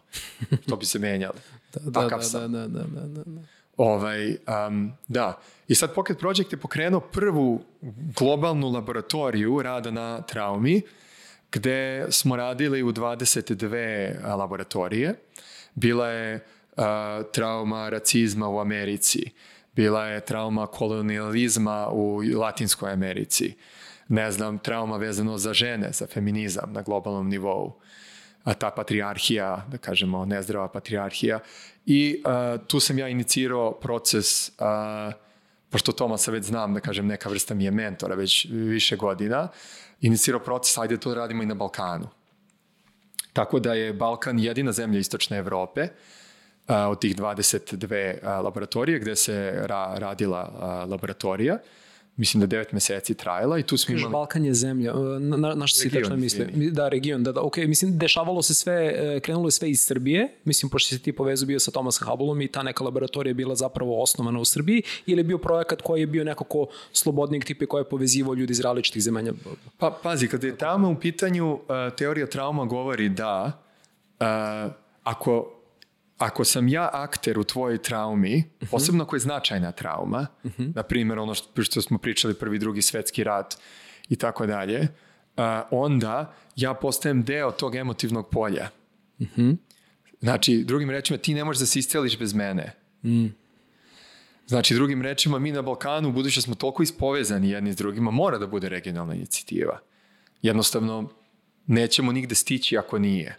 Mm a, i onda u nekom momentu da se proširi i šire na, da kažem, ljude koji su bili uključeni u te traume i iz drugih zemalja, iz Nemačke, iz šta znam, Austrije, ne znam, nisam istoričar, ali svakako, svakako Nemačke. Ovaj, da.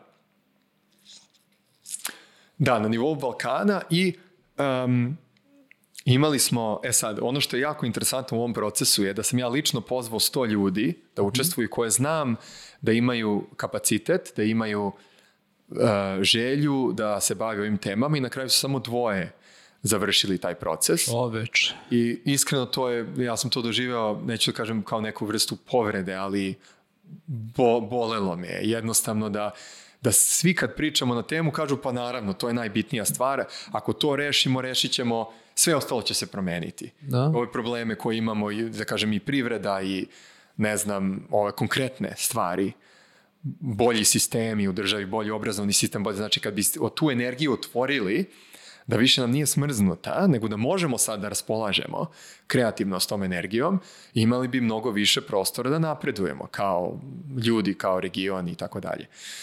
Um, međutim, uh, da, samo dvoje ljudi A ono što mi je, da kažem, najteže palo je neki ljudi koji su u healing krugovima, vodeći kočevi, vodeći healeri, da kažem, jesu već nekako u toj ezoteričkoj strani, da li to teta terapija ili ovaj, NLP ili coaching ili tako dalje, koji u suštini su odbili, da kažem, iz, ajde da kažem iz nekog razloga, ono, ne želim da ulazim u teške stvari. Mm. Imam dobar život, uh, sve mi je ono ok i ne želim jednostavno da osjećam taj bol, da ulazim u te, ta bolna polja. Mm. Ja mislim, to je suština rada na traumi. Da, jednostavno. Da, a opet što je na neki način potpuno prirodna reakcija, jer kad pogledamo istoriju Balkana i izazove s kojima su suočeni ljudi koji odrastaju i pokušavaju da naprave neki normalan život na Balkanu, upravo situacija funkcioniše tako da jo, evo, konačno, uprko svim izazovima sam uspeo da napravim neku zdravu životnu klimu i sad moram da se vraćam Jasno. u ta neka potpune na neki način i, i reakcija je očekivana jer ljudima treba da vremena se iscele. Tako je. To je ono što je... Razumljiva, u potpunosti. I Ja nemam, ka- kažem, tu tugu koju osjećam nije ljut, ne, nije... Apsolutno, samo jednostavno ljut činjenica je da, da, da. bilo koga, nego jednostavno Apsolutno. tužan sam činjenicom koliko, koliko smo rano u procesu. Da, da, da. Koliko smo rano u procesu da postoji neka svest da je to bitno, bar u nekim krugovima, i, ali ne postoji kapacitet. I opet vraćamo se na to da je da, trauma i trauma healing proces a, in, inteligentan proces i da moramo jednostavno da verujemo ljudima kad kažu ja nemam kapaciteta. Oni u stvari nemaju kapaciteta i to je sasvim ok. I da, a, to je jako, jako bitno da, kako bi rekao, honoring, Odo ti počast. dodati počast uh, traumi kao, kao sistemu, kao procesu koji nam je dozvolio da budemo ljudi koji jesmo danas. Da, se, da, da se svako od nas razvije na način na koji se već razvio. Tako da je to jako, to je u suštini prvi korak, ta zahvalnost u procesu. Pošto često kad ljudi kažu traumu, to je nešto negativno. Znači onda, onda nigde ne stižemo sa tim. Znači odmah, smo- odmah smo Da, vraćamo se na prvi mindset, Pa, bukvalno ono, meta da, mindset. Da. vraćamo se na sam početak. da, da, da, da, da. I, pos, i, posebno, i, i posebno kad, kad, kad, kad, kad, kad čovjek uđe dublje u razumevanje toga, shvati da to stvarno jeste neverovatno kreativan sistem a, na naše psihe. Tako da da, i onda, smo, i onda smo krenuli, Bogu hvala, našli smo 40 ljudi iz celog regiona. A, jedino sa Kosova nismo uspeli nekog da nađemo. Ja sam lično se trudio baš dosta da preko ličnih veza dođem do nekog, ne znam, možda je slučajno, nemam ni- nikakav stav ka tome, pošto sam ja stvarno želeo da bude neko s Kosova, ali imali smo iz Albanije, imali smo iz, ne znam, Bugarske, Mađarske, Slovenije, Hrvatske, svih ostalih država, Crne Gore, Bosne, kažem širek Balkana, a, učesnike. I onda smo polako počeli da prolazimo kroz taj proces integracije. I ne mogu da kažem da je bio lak proces, Kako je to izgledalo? Jel bi naveo neki primjer? Mislim, pretpostavljam da su bile, da nije bilo nimalo naivno raditi na tome, ali baš... radili smo na različitim temama. Um, Recimo kao što si pomenuo onu priču sa istočnom i zapadnom Nemačkom i ciglama, da, da li ste imali, pošto ako sam i to dobro razumio, to je isto supervizovao Thomas Hubbard, ali tako? da, jeste. A, da li ste imali neku, mislim, radionicu sličnog tipa ili nešto što... I, imali smo, imali smo, radili smo, uh, kako da kažem, dosta na, na, na resourcingu. Uh, um, to su bilo, neg- znači koji su resursi koje ti imaš da možeš da hendluješ kolektivnu traumu ili tvoju ličnu traumu. Znači prvo smo postavili neku osnovu ličnog rada, lične prakse. Pošto je najosnovnija nega lična praksa da budeš u, da budeš u posmatraču. To smo isto ti ja pričali ovaj, ukratko kako razviti taj kapacitet da se ne vezuješ, da ne kažeš ja nisam ova emocija. Da kažeš ja nisam ova emocija, ja nisam ova misao, a, pošto inače ta energija je toliko jaka da će te samo odnesti kao reka. I onda šta smo uradili? Ništa, ponavljamo istu skriptu. Znači, kako da, kako da podignemo kapacitet svako od nas za sebe, da budemo u posmatraču, a, odnosno da budemo u tom, da kažem kako smo već naveli, ze- zemaljskoj ovaj, i, i, nebesk, i ne, ne, nebeskom ovaj, aspektu a, čoveka. Um, tako da, a, da, radili smo dosta na tome i onda smo ulazili u neke određene teme. Ulazili smo, na primjer, u a, predake i povezivali se sa precima. Znači, to je ceo proces tog procesa. Znači, da osvestimo to da mi u stvari jesmo njihova, njihov izraz u evoluciji u ovom, u ovom momentu. Postavili neke osnovne principe a, rada na traumi i onda jesmo radili na konkretnim, na konkretnim, a, konkretnim temama. Ovaj, koji su, da kažem, ovaj, vrlo, vrlo, ovaj, neke od tih tema su bilo vrlo aktivirajuće. Čak mi u timu smo u jednom momentu došli do fragmentacije i onda je Thomas Hubel radio sa nama, ovaj, to se zove kao supervision, kao u terapiji, Kada, ako, ako studiraš da postaneš ili učiš da postaneš Da, profesor. supervizija. Da, da, da. Supervizija, da. Radio je superviziju sa nama gde smo uspeli da razrešimo te ovaj, razlike i vratimo se nazad u, ovaj, u, pro, u proces. I um, mogu da kažem da smo mi bili jedna od uspešnih od tih 22, 3, ne, ne, ne da upoređujem, ali je bilo drugi koji su se grupe skoro raspale. Zato što jednostavno, iako su to ljudi koji imaju, neki od njih su terapeuti 20, 30, 40 godina, neki su vodeći trauma terapeuti u njihovim državama. Mm. Gde su radi, znači to su ljudi koji imaju jako puno iskustva, koji meditiraju možda 10, 20, 30 godina, neki od njih, koji su i renomirani i u javnosti i, i neke od tih grupa su se raspale jednostavno zašto je a, ta energija, aktivacija kolekt, tema kolektivne traume veća nego kapacitet. Aha, koji da, su vidiš oni mogli to da zanimljivo drže- u stvari, da, da, drže u da, toj da, grupi. da, da. I a nama je Tomas, nama je bilo u jednom, uglavnom nam je kapacitet bio iznad aktivacije i polako smo ulazili. Daleko bilo od toga da smo odmah ušli u neku, znači vrlo, vrlo, znači to je osnovni princip rada s traumom, jako polako. Ako misliš da je presporo, spori još duplo. Da, da, da. Znači, to je stalno smo se podsjećali da treba još da usporimo, još da usporimo, još da usporimo.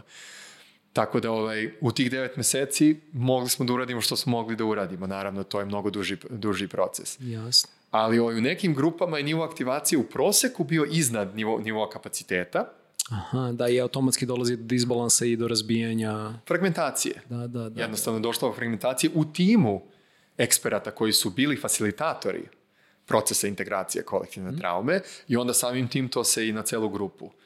Ovaj, mi, kažem, u našoj grupi je, ovaj, nije, bilo, nije bilo lako, imali smo teške momente, ali mislim da smo uglavnom uspeli da ih uspeli da ih prevaziš. Daleko od toga, daleko od toga da je bilo idealno, ali smo, imali smo stvarno mnogo, mnogo jaku grupu ovaj, individua koji su prvenstveno iz pasije došli tu koji su prvenstveno, i, i vrlo različitu grupu, i u smislu starosti, doba i država i, i, i ovaj, e- edukacije i iskustva i tako dalje. I, i ovaj, stvarno, ovaj, stvarno sam zahvalan svim tim ljudima koji su dali svoje vreme, dali svoj trud, dali svoju dušu, dali, bili spremni da uđu u prostor osjećanja tog kolektivnog bola. Mm. Da kažem, koji, koji su imali hrabrost.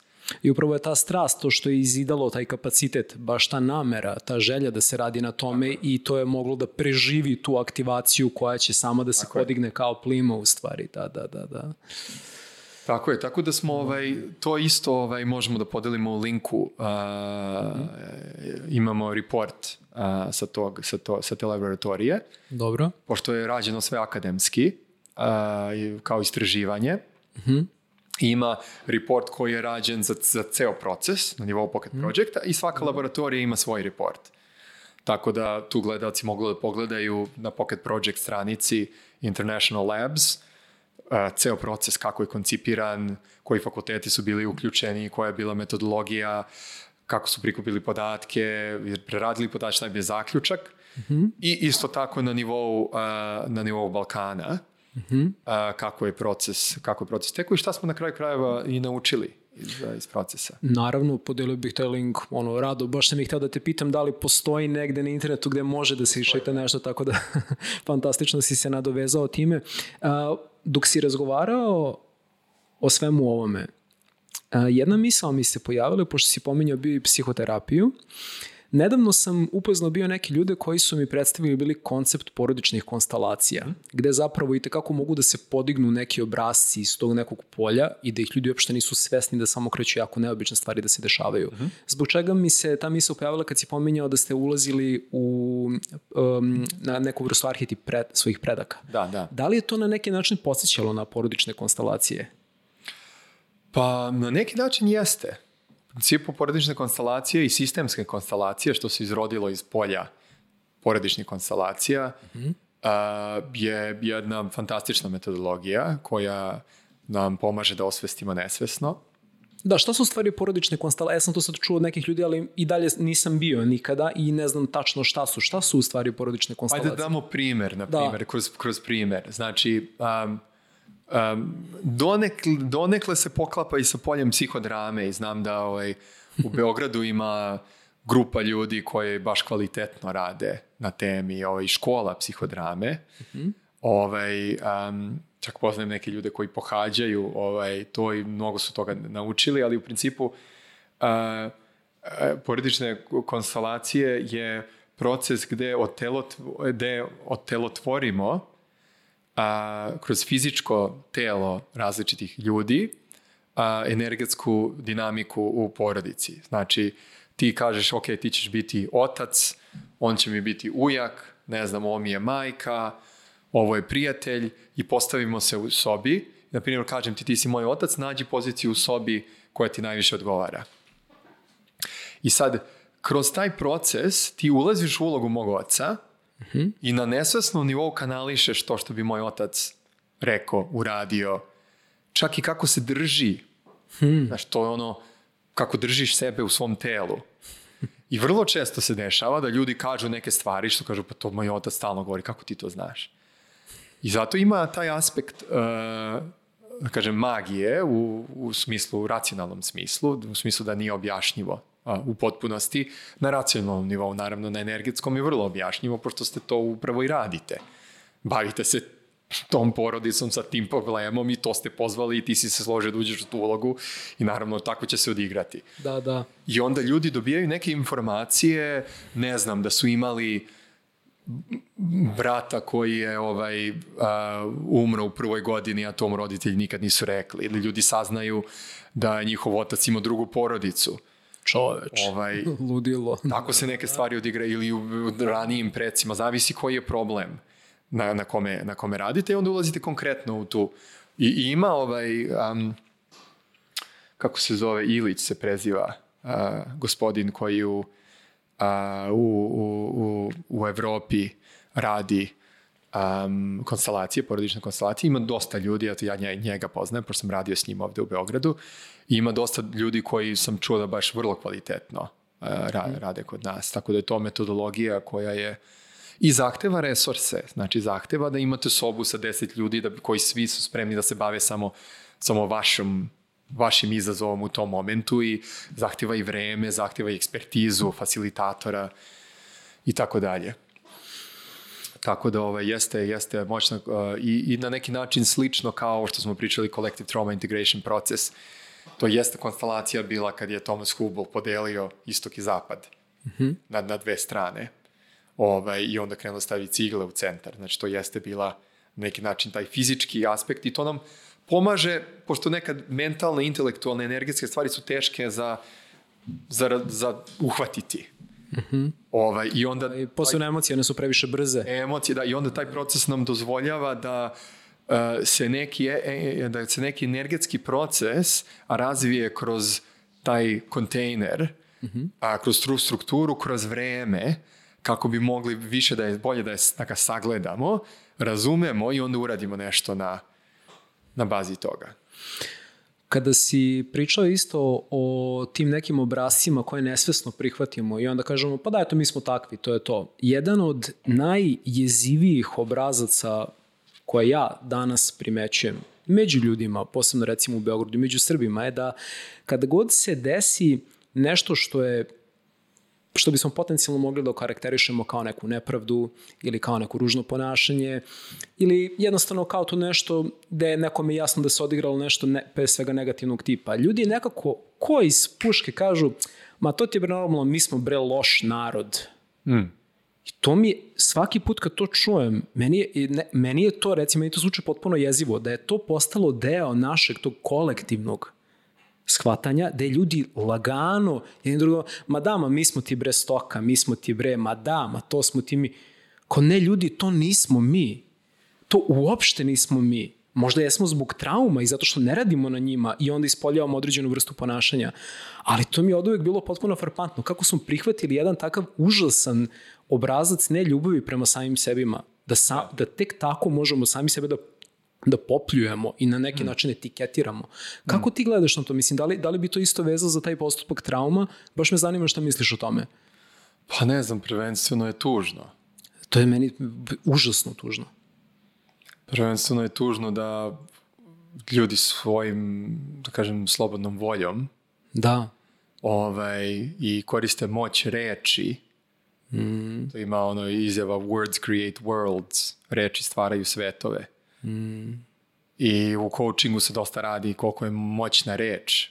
Pa u, u Bibliji, in the beginning there was the word. Na početku je bila reč, ne znam sad tačno kako bi na srpski to ovaj. Da, na početku bi reč. Da. Ovaj, šta tačno piše u Bibliji u tom smislu, ali to je ta ono moć vibracije, primordijalne vibracije i sad ako tako na taj nek, da kažem, nesvesan način tako neke moć, moćne negativne ovaj, obrazci se ponavljaju, mislim, bolno je. Mislim, ne, ne, može da se ne, ne može da se ne desi. Ovaj, ne da nema neki efekt ako je to kolektivna norma. Mm.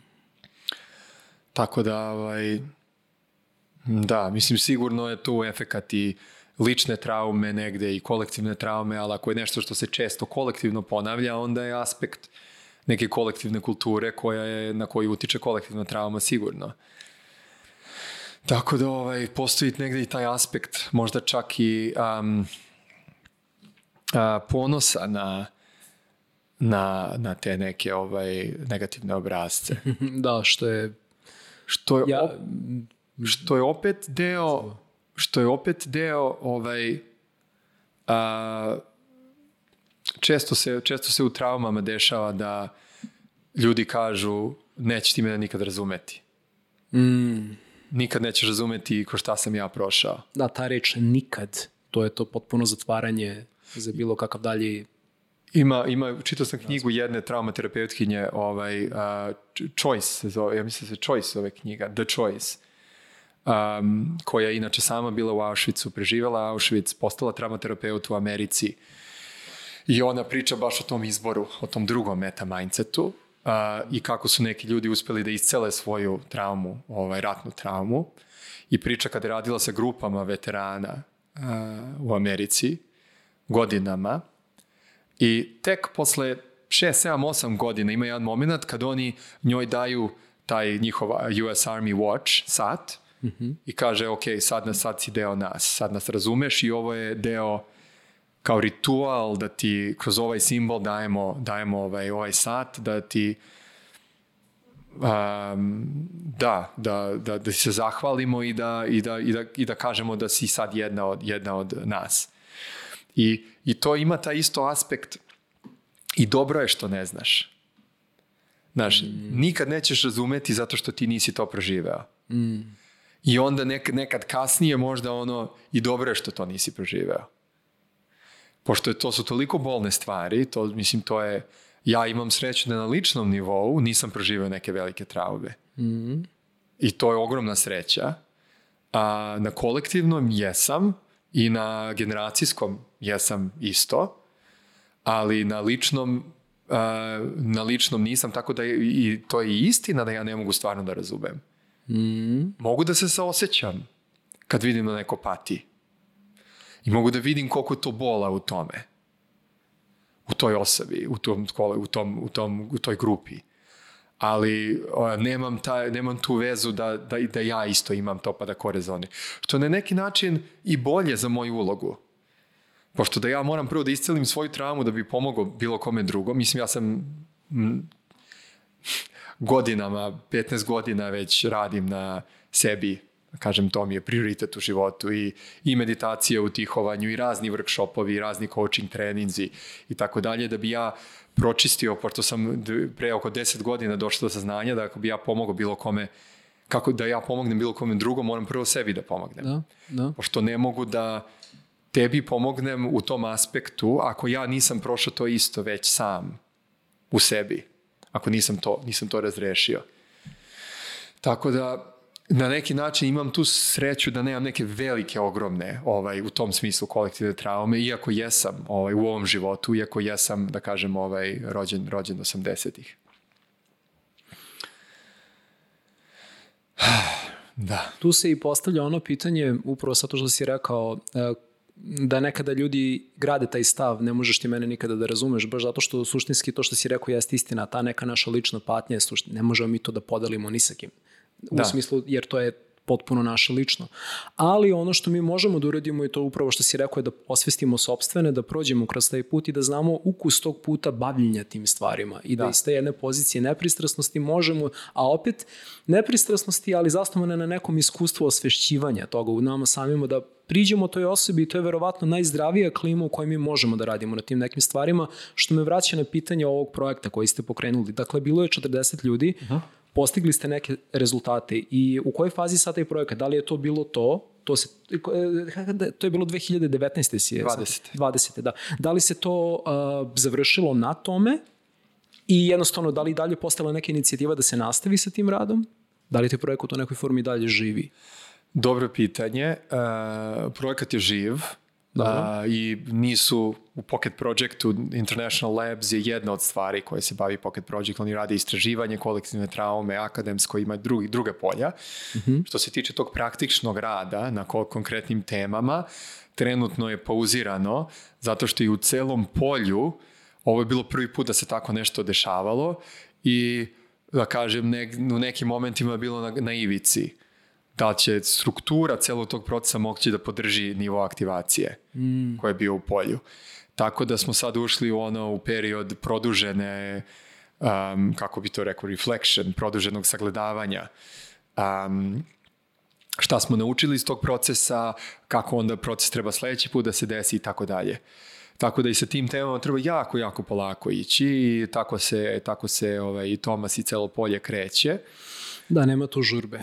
Nema tu žurbe, I, upravo i to što je, si rekao. Ono što je isto jako interesantno iz, tog, iz te akademske analize svih podataka koje smo prikupili kroz ceo proces, jedna od stvari koje me ovako najznačajnije ovaj, um, je, um, je, je, je, je, da kažem, zaključak. Um, je da koliko smo u suštini rano kao civilizacija na ovoj temi.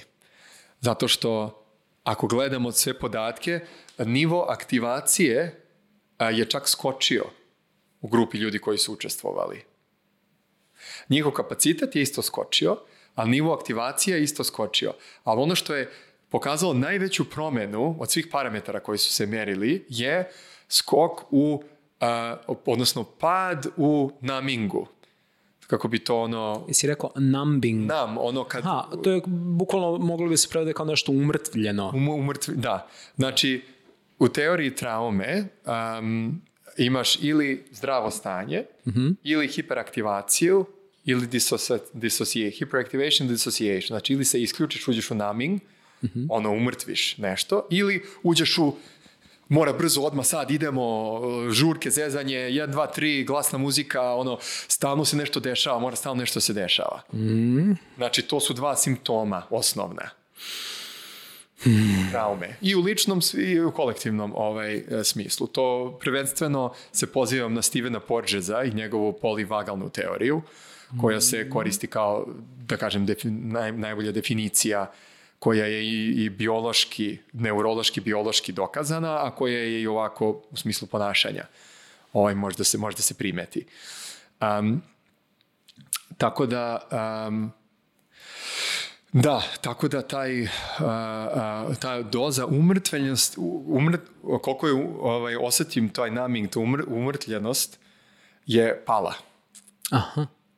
Znači, drugim rečima, uspeli smo da dokažemo da ono što prvo treba da se desi je da ljudi više krenu da osjećaju. Mm -hmm. Ako to prevedemo na najjednostavniji mogući način, umrtvili smo svoje emocije i prvi korak je da pustimo da te emocije krenu da te, teku, znači em, emotare na latinskom je pokret, znači mm moš kreće, kreće reč iz reč pokret, znači emocija je pokret nečega, nešto što želi da se pokrede. I ako je to umrtvljeno, onda jednostavno ne može reka da života da nastavi da teče. Mm. -hmm. A, i, I to je da kažem, i onda tek onda posle toga možemo da ulazimo u ovo da radimo na konkretno, da smanjujemo aktivaciju, da dižemo kapacitet i tako dalje. I to je nešto čime smo trebali da se bavimo pre nego što smo naučili tablicu množenja. Pa, da bukvalno da naučimo kako da osetimo, prepoznamo, iskažemo, jer mi na Balkanu posebno imamo tu užasnu boljku. Iskazati emocije je slabost, muškarci ne plaču. Mislim, to, to, su, to su strašne stvari. Kad zapravo sad čovjek razmisli da treba da prođe kroz celo školovanje, da izađe u život i da onda tek treba da shvati da ništa nije naučio u tom smislu, da je zapravo nepismen u emotivnom smislu. A da je to opet preduslov za bilo kakvo konkretno isceljenje bilo čega, da mi prvo moramo da prepoznamo te emocije, da moramo da naučimo kako da ih iskazujemo, tako da da, to je nešto potpuno, ovaj, da, Da. strašno strašno što stvari tako funkcionišu, nažalost. To je neko emotivno zdravlje. I htio sam da te pitam kada pričamo o sad sad neka bila grupa naučnika i grupa ljudi koji su renomirani na nekim poljima mm -hmm. koje su bile relevantne za to istraživanje kada su bile traume u pitanju. A, to me dovelo do pitanja da li si uspeo da se povežeš sa nekim ljudima na Balkanu, sad igrom slučaju da li su iz Srbije ili ne, ali evo konkretno pričamo sad o Srbiji, koji su vrlo uticajni i popularni na neki način. Znači nisu samo iz naučnog sveta i kao neki uh, off the radar istraživači, već su popularni i uticajni, a opet dele neku vrstu ambicija i strasti ka rešavanju tih nekih uh, pitanja o kojima smo pričali u ovom podcastu i koji imaju tu neku inicijativu i zaista žele na tome da rade na tom nekom krupnijem planu. Pa mislim da mogu da pomenem i ko su ti ljudi. Da, u principu mm proteklih deset godina, kažem, ko čemu ja o ovome, tako da i kroz, kroz te razgovore s raznim ljudima i u Srbiji i van sam došao do nekih ljudi koji su, ovaj, da kažem, mogu da budu um, saputnici, odnosno partneri ovaj, na, na, tom, na, tom, na tom putu. Definitivno Jasmina je jedna od njih. Jasmina je bila prva glavna i odgovorna urednica Sense prvi šest godina, da kažem, to je neki prvi magazin koji se bavio nekim spiritualnim temama, još uvek se bavi spiritualnim temama kod, kod nas. A, ona mi je predložila da se povežem sa Dušanom Kovačevićem iz, ovaj, iz Exita, -hmm. I onda smo Dušan i ja ovaj, otpočeli svoj, ovaj, svoj bratski odnos. Koji, ovaj, pozdrav za Dušana. Pozdrav za Dušana. Zapravo smo se preko njega i nas dvojica upoznali. Njega smo tako se upoznali, da, stvari Dušane... i upoznali. Da. da. To sasvim slučajno, kako to... te stvari već idu. Da li je slučajno? Da li je slučajno? To je možda tema za jedan, potpuno, jednu, jednu kompletno novu epizodu ovaj podcasta, da, okej, okay, ali Dušan Kovačević, da. Da, Dušan. Sjajan, sjajan um, lik Slavica Skvajer koja je osnovala NLP u, u regionu. Um, a, imao sam priliku i Novaka da upoznam u jednoj... Uh, Novaka Đoković, je li tako? Da, da, pošto jedan moj prijatelj uh, je blizak sa njim i um, predložio je jednostavno da mu prezentujemo ovo, ovo što, što ja zovem Project Light, znači taj, taj projekat osvešćivanja, ne samo osvešćivanja trauma, nego osvešćivanja generalno. Da, sad si ga prvi put pomenuo Project Light. Šta je u stvari Project Light? Pa Project Light je, da kažem, vizija, inspiracija koju sam dobio pre 10 godina. Dobro. A, da meni se to javilo na workshopu kad sam jedan, jedan workshop kad sam radio s mojom učiteljkom koja se zove Gita Belin, hmm. koja je, da kažem, neka vrsta gurua, intuitivnog, intuitivne vođe, znači vrlo moćna osoba energetski vrlo moćna osoba. Možda najmoćnija energetska osoba koju sam ja u životu ikad upoznao ili ovaj, znam, znam za nju. I um, Uh, ona, mi je, ona mi je pomogla da u suštini saznam zašto sam ja ovde. Ajde da mm. uprostimo jednostavno. U jednom njenom workshopu sam došao do spoznaje da sam ovde da radimo upravo o čemu mi sad pričamo. Znači da, ne, ne sad, nije to priča sam ja neki vođa ili da ja treba ko Đinđić nešto. Ne. Priča jednostavno sam deo tima, mm -hmm. grupe ljudi koji će se okupiti na nivou Balkana i koji, koji će doprineti ovim temama o kojim pričamo. Svako na svoj način. Ja imam neko iskustvo iz korporativnog. Možda Novak ima ime i renome i srce i dušu za to. Dušan naravno ima ogromnu platformu i vrlo je uticajan čovjek i ima duboku praksu, svoju spiritualnu i povezanost. A, tako da, da kažem, ta neka gru, grupa ljudi, sad ko će tu doći, ja ne znam, ja sad nabacujem imena ljudi, pitao sam me koga sam do sada upoznao. Da, da, da, s kim si, ko, ko bude pozvan da se nekako uključi u neki pokret ovaj, gde mi jednostavno kažemo, ok, sada nam je ovo prioritet u životu, fokusirat ćemo se nas, 5, 10, 15, 20, koliko god, da doprinesemo kolektivu, pošto je to to, to je naj, naj, najveći doprinos, najpozitivnija stvar koju možemo da smislimo. I tako se meni to isto javilo. ovaj, u tom workshopu da je, da je to najlepša stvar koju ja mogu da, za, za koju mogu da zamislim da doprinesem do kraja života. I ne sada mora nešto da se desi, znači, nego čisto iz te energije radosti, mm. da je to nešto najdivnije čemu ja mogu da doprinesem u ovom životu i onda ajde da doprinosim na koji god način mogu. Pa sad, ako se nešto desi za 20-30 godina, super. Ako se ne desi, nego je bio ono fun journey, ovaj, i painful and difficult, ali živ, znači da je bio život jednostavno. To je osnivač gestalta rekao, ja sam, baš sam se povezao. Uh-huh, da. da, on je rekao ono, neću da budem spašen, nego hoću da budem istrošen. Znači, znaš, ono, da dam da. sve što sam došao ovdje da dam. Da, da, da. A ne ono kao, pazi. Da, da, da, pa kao šta bilo biće, ali moje da ja dam. Da. Da, da, da. I svestan sam naravno da je ovo, da kažem, da ja sam na neki način imam tu privilegavnu poziciju da sam pola svog života u Srbiji, pola van. Uh-huh. I, I da sam privilegovan i u smislu obrazovanja i iskustava i tako dalje. Tako da a, e, energija, ne, ne, ne želim da, do, da dolazim sa bilo, ako se ikad konstališe bilo kakva energija, da sam sad ja došao neko nešto da ubeđujem ili da popujem ili da, znači jednostavno onda se neću uključiti, neću se time Znači, pošto nije to zašto, nije, nije, ne zanima me to i nisam zbog toga do, ovde. Ali ako se postavi neki prostor gde iz iskrene namere grupa ljudi dođe zajedno mm -hmm. i kaže, ok, šta možemo sad da uradimo zajedno što ne možemo individualno i na sistemskom nivou da pokrenemo. Na primjer, evo sad vrlo konkretan primer, a, a, obrazovanje. Singapur ima vrednosti, pet vrednosti, pet vrednosti koje izdefinisao kompetencije, obrazovne kompetencije, koje je preveo na nivou svakog razreda, od prvog do 13. razreda, koje je preveo na nivou svakog predmeta, koje je preveo na nivou svake lekcije. Mm -hmm. I svaki učitelj u svakoj školi u Singapuru ima a, plan predavanja ili da za tu lekciju, koja kaže ovo su ti intelektualni ciljevi i ovo su ti, kako oni to zovu, character development, ciljevi za razvoj karaktera. Mislim, super, ajde. Ajde da integrišemo to obrazovanje. Super ideja, hvala Singapur. Ajde, možda i Singapur hoće da nam pomogne. Ovaj, naći ćemo ove, znam neke ljude koji su radili na tome u Singapuru, nebitno kod, preko, preko ček, preko koga dođemo, doći ćemo do eksperata koji želi da nam pomognu. Ajde da integrišemo to. Jednostavno da svako svako dete koji prolazi kroz svaki razred, svakom danu mu se ponavljaju te neke vrednosti koje smo se svi složili da su bitne u tom kontekstu. Pa u korporativnom smo već malo pričali. Pa i da pričamo o medijima i u tom kontekstu.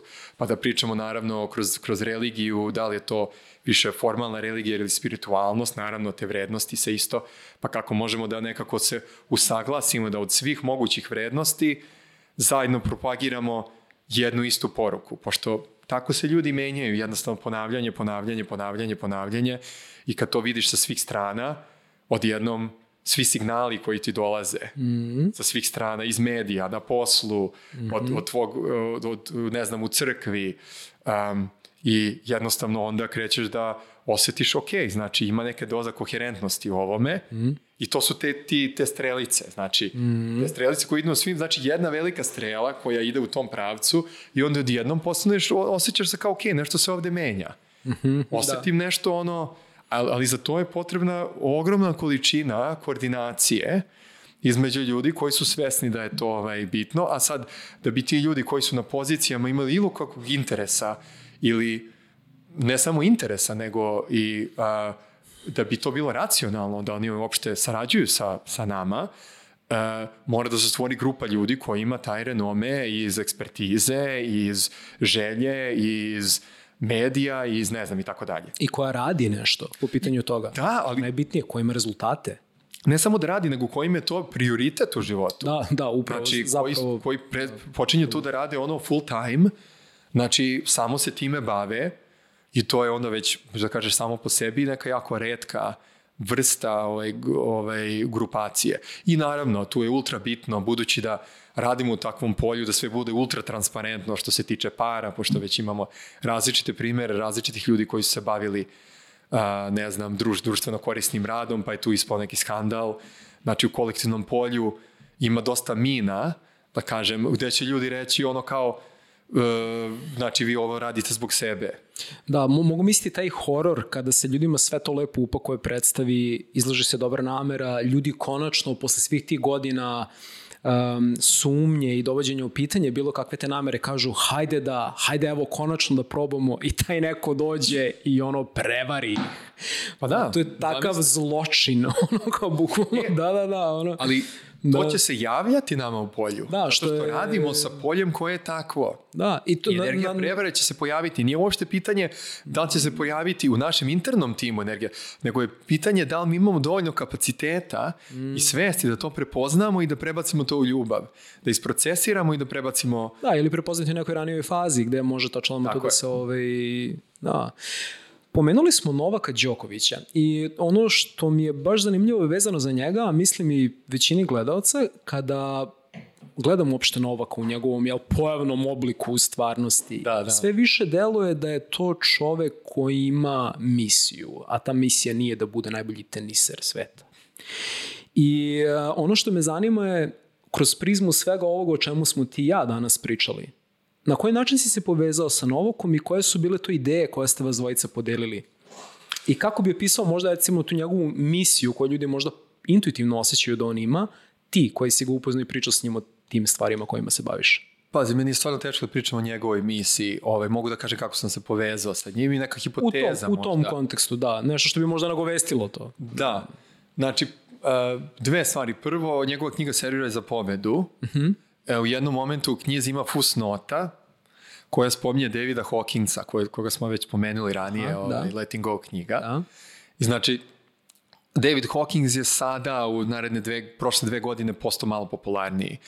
Pre deset godina, osam godina on je bio neki random lik, ono koji je radio istraživanja na polju spiritualnosti u Arizoni, niđe veze, osim ljudi koji su baš duboko u određenom tom specifičnom krugu spiritualnosti, Če nije ni bio ko sad guru, nije, nije bio popularan.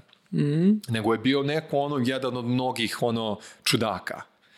I on je od svih mogućih e, ljudi, ja sam baš tad učio David Hawkinsa, svih mogućih ljudi čitao njegove knjige, primenjivo njegove principe i tako dalje. I on je spomenuo njegovu knjigu. I mi sećam se, bio sam u svom stanu u tom momentu i, i ko ovaj, ko da, ko da mi je ovaj, um, udarila ne, ne struja, nego um, grom. U momentu sam samo stao kad sam to pročitao i tako sam stajao pola sata. I ono, došlo, i samo mi se javilo kao mi ćemo nešto raditi zajedno. Nešto ćemo u nekom momentu onako izrezonirao s ovim, znači ima neku dublju misiju, svrhu da diže svest. Mislim, David Hawkins je napravio skalu svesti od 0 do 1000. To je njegov osnovni doprinos. Sada ne ulazim u celu skalu, ali u principu na nekim nižim nivoima smo tu, ne znam, ni ja u strahu i tako dalje krivljenju drugih strahu, onda na nivou 200 prelazimo na nivou prihvatanja, to je ona energija, ono, da kažem, u meta mindsetu je to negativno ka pozitivno. Znači, preuzimamo odgovornost, prihvatamo stvari kakve jesu, onda racio je do 400, ljubav je 500, radost je 600 i preko 600 je nelinearno. I to je logaritmička skala. Gde na 1000 je Isus, na primjer. Isus Hrist, sin Božiji. Na primjer. A, I činjenica da se on povezao sa tom metodologijom je, da, to mi je bio jedna spoznaja na nivou mislim, meni se ne dešava često da imam taj ono osjećaj groma i da sam totalno ono znaš, da me to, da me to ovaj, neki download. Ovaj, a drugo je kad smo se vidjeli u Londonu, mi smo leteli dok je igrao u Londonu da mu prezentujemo Project Light u suštini. A, ne znam sad da li mogu da spomenem ko, pa što da ne, Nikola Ćorsović i Slavko Andrejević, Slavko nas je povezao, on je ovaj investicioni bankar u, u Londonu i veliki, veliki patriota. Ovaj, I takođe Nikola, Nikola Ćorsović koji je radio sa mnom u McKinsey-u.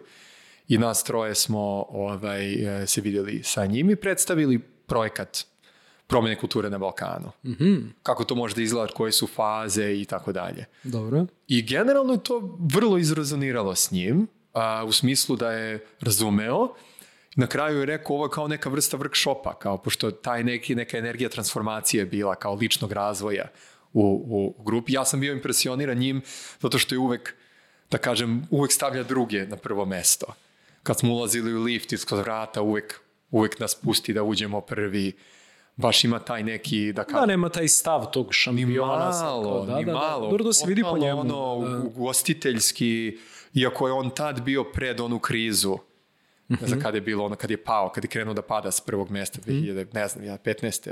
16. tako nešto. Da, kada bi neko očekivao da će biti ogorčen ili bilo što. Da, da, da, nego totalno bio ono spokojan, miran, smiren, ono i ovaj, i onda je nekako, pa šta znam, onda, onda je baš krenuo pad njegov i valjda, ja sam se tad, tad sam razmišljao da se krenem da se bavim ovim full time, ali očigledno nije bilo vreme, vratio sam se ponovno u McKinsey 2015. On je prolazio kroz svoj ce- proces. Iskreno ne znam, uopšte neću da ne znam gde je trenutno, nismo mi sad prijatelji, Razumem, imamo da. ono redovno, ali imamo tu neku, osjećam tu neku vezu i osjećam da će on uticati da će biti deo grupe ljudi koji će pomagati, a već i pomaže kroz njihovu fondaciju i kroz različite izjave i kroz, da kažem, nekako poruke koje šalje već godinama.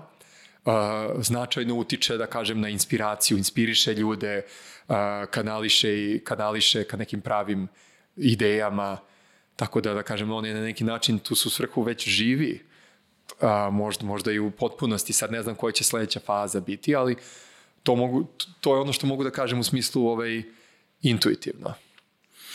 Da, hvala ti što si to podelio. Zanimalo me baš, pošto kažem, u vezi njega sam uvek osjećao to nešto i kad si rekao da si se povezao s njim kroz prizmu, kažem, svega ovoga o čemu smo pričali, baš me zanimalo na koji način ste se bili povezali. Mm. Sjajno i za kraj, uh, ono što sam želeo da te pitam je, često čujemo da, kada razgovaramo i generalno s ljudima i nekako se stiče takav utisak da je ta neka kolektivna svest čovečanstva trenutno ne baš na nekom zavidnom nivou, da polako klizimo taj neki konzumatorski, mm. neemotivni jedan kontekst življenja života i takođe bez ljubavi. Sad, uh, prema tvom nekom trenutnom stanovištu i gledanju i tiga, toga čime se baviš, uh, koji bi bio neki savet koji bi mogao da daš našim gledalcima po pitanju toga šta je to što bi mogli da urede na tome da shvate da je bitno raditi na svesti, na koji način to mogu da prate neko ko eventualno evaluiraju, kao i na koji način bismo mogli da dovedemo malo više ljubavi u ovu stvarnost, pre svega prema nama samima, ovaj, a nekako posledično tome i svetu oko nas. Pa to je ovaj, odlično pitanje. Um, mislim, možda dve stvari. Prvo je da se potrudimo da osvestimo kontekst u kome živimo. Znači, jednostavno živimo u kontekstu gde se vrednuje više naučno, objektivno, merljivo, ne znam, novac, stvari koje mogu da se mere, fizička materija, a manje se vrednuje energetski, emotivno polje. I to je tako već od 1700. godine, od enlightenmenta, Dekarta i tako dalje, kad smo podelili taj, kažem, racionalni deo nas i religijski deo nas i onda jednostavno vrednujemo ovaj, a ovaj manje vrednujemo i manje ga jednostavno cenimo. Tako da jednostavno to je jedna od, da kažem, kolektivni skripti. Još jedna je paternalizam koji traje, taj, da kažem, povređen, povređeni muški princip, wounded masculine. Princip ja sam šef, radi se ono što ja kažem, informacije teku gore, odluke teku dole ovaj, uh, da kažem, ta hjerarhija i tako dalje. Tako da jednostavno da osvestimo te neke ne, ne, neke, da kažem, neri, da kolektivne skripte koje, ovaj, koje, koje nas uh, vode da tu dignemo svest otprilike kakva je ta voda u kojem ja plivam trenutno u svojoj porodici sa svojim prijateljima i tako dalje.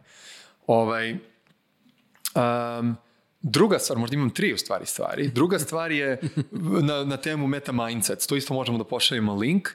A, čisto vrlo, vrlo jednostavno sagledate na svom ličnom nivou gde sam ja otprilike nacrate skalu ovako od, od, mm, od ne znam, od nula do, do kraja i ovde je, na primer, pozitivno, ovde je negativno i jednostavno sagledati otprilike gde sam ja tu na, to, na toj skali. Da li sam češće u pozitivnom ili češće u...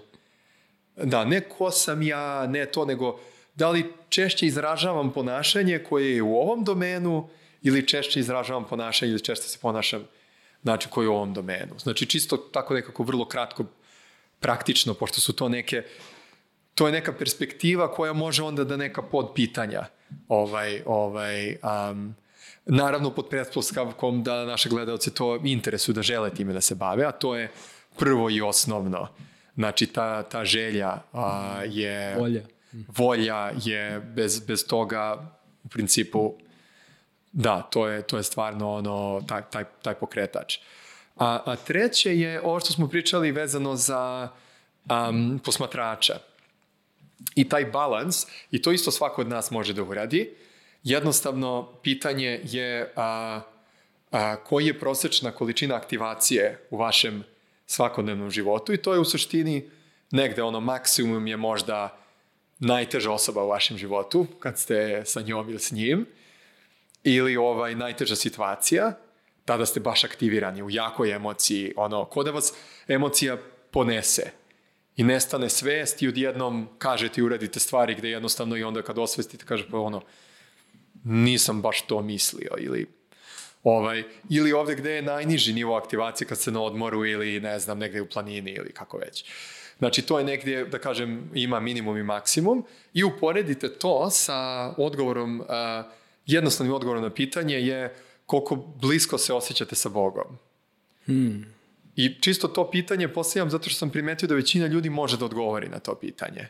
Hmm.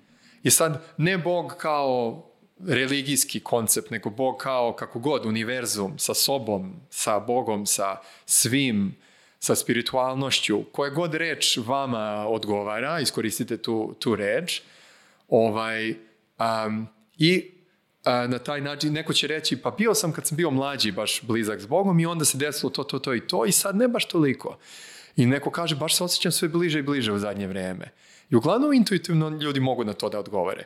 A to je u suštini odgovor na pitanje koliko vam je visok kapacitet, odnosno koliko možete da budete u tom posmatraču. Da se ne vezujete za svoje telo, za svoju, ja nisam svoje telo. Znači, ja imam i božansku prirodu. Ok, imam i zemaljsku, ali imam i božansku. Znači, ja nisam samo svoje telo. Ok, znači, good to know. ovaj, Uh, i, i da li sam Reminder. ja... Reminder. pa da. I da li sam ja, pošto ako ja mislim sam svoje telo i da sam svoje emocije i da sam svoje misli, a misli ono po svojom prirodi idu ovako u krug, emocije nas vuku na sve strane, telo ono nekad boli, te, mislim, te, teško je, ovaj, onda smo samo u tome. Tako da, i onda na taj način da dižemo taj kapacitet i jednostavno uporedite onda te dve linije koji mi je prosječan, prosječna količina aktivacije u svakodnevnom životu i koje mi je, do koje mere se osjećam blisko s Bogom, odnosno koliko ima mogućnost da sagledam kapacitet. Ono što smo pričali ranije za Thomas Hubela i celo polje kad smo radili, kapacitet je bio visok, ali na temama kolektivne traume aktivacija je mnogo, mnogo viša. Tako da smo morali onda polako da ulazimo malo po malo, uh, da uzimamo malo po malo kako bi kapacitet još uvijek mogo to da to da zadrži. Opet, pitanje je možemo da dignemo kapacitet ili da smanjimo aktivaciju. I sad, na bazi toga, kad uporedite te čisto jednostavno dve stvari, uh, vidjet ćete da li vam se u proseku diže kapacitet ili vam se smanjuje kapacitet. Ja u svom ličnom putu, u proteklih šest godina, mi se smanjivo kapacitet, zašto sam radio 18 sati dnevno, putovo 25 do 30 letova mesečno, uh, osim, osim COVID-a naravno, uh, imao jako odgovoran posao i aktivacija mi je bila, stalno je bio neki osjećaj ono frke. Mm. Ovaj, uh, ko, ko, da, ko, da, ko da radiš u bolnici, ko da neko umire, ono mora. I kap, aktivacija je bila vrlo visoka, a moj kapacitet uh, posmatrača je bio niži od toga. Mm. Iako sam naravno radio i bio u tihovanju 10 dana, 17 dana, desetak puta u životu i svašta, baš sam, mislim, ja baš dosta ulažem u tom smislu, ali opet je aktivacija bila viša i u proseku mi je svest, odnosno moj kapacitet padao. Hmm. I sada kad sam, kad gradim svoju firmu i mogu da biram kako radim, aktivacija mi je značajno pala i kapacitet mi se diže zato što sam komitovao da meditiram sat do dva dnevno, da svaki šest meseci idem na retreat, bar deset dana u, u tišini. I ta dnevna praksa, to u svakom momentu kad primetim nešto, neku aktivaciju, a, neku to zove moment to moment meditacija, znači meditacija iz momenta u moment, da primetim ne, neku tenziju, vidim gde mi je u telu, šta je ta tenzija, dozvolim da je osetim, osetim ju, ljubav pošaljem na taj deo i onda je pustim. Mm. I, I tu sam ono, tu sam u prečkolskom, to tek počinjem iskreno. Retreatove mogu uvek da odem 10 dana da budem u tihovanju. Meditacije, mm, nekad sam jednom nedeljno meditirao, a sad jednu sat do dva dnevno, tu sam bio džene džene, nekad dobro, nekad loše, ovaj, ali ovo moment to moment meditaciju, što je u suštini 90% prakse, pogledaš količina vremena, to sam tek osvestio pre dve, tri nedelje da, da u suštini to što i postoji, I da je to u suštini ključ. Zato što ova duboka meditacija me podsjeti na moju ko sam u stvari ja. Mm -hmm. Tu mogu to da spoznam, ako sam dovoljno dugo, u, ono, savršen, savršenstvo se pronalazi u dubini smirenja, što je otac Sadej rekao, i mogu da osetim tu dubinu smirenja. Ova dnevna meditacija da me podsjeti na dnevnom nivou da budem u tom smirenju, a onda ovo treće je ključ u tom ono moment to moment u svakodnevnom momentu života ta vežba. I, i, i to je ovaj, to, je, to mi je potpuno novo. Tako da ovo nastavim da radim, ovo sam pojačao, a ovo, tako da mi se u proseku će mi se sigurno dići kapacitet vremenom. Na, mislim, naučno jednostavno prosta, ovaj, prosta matematika.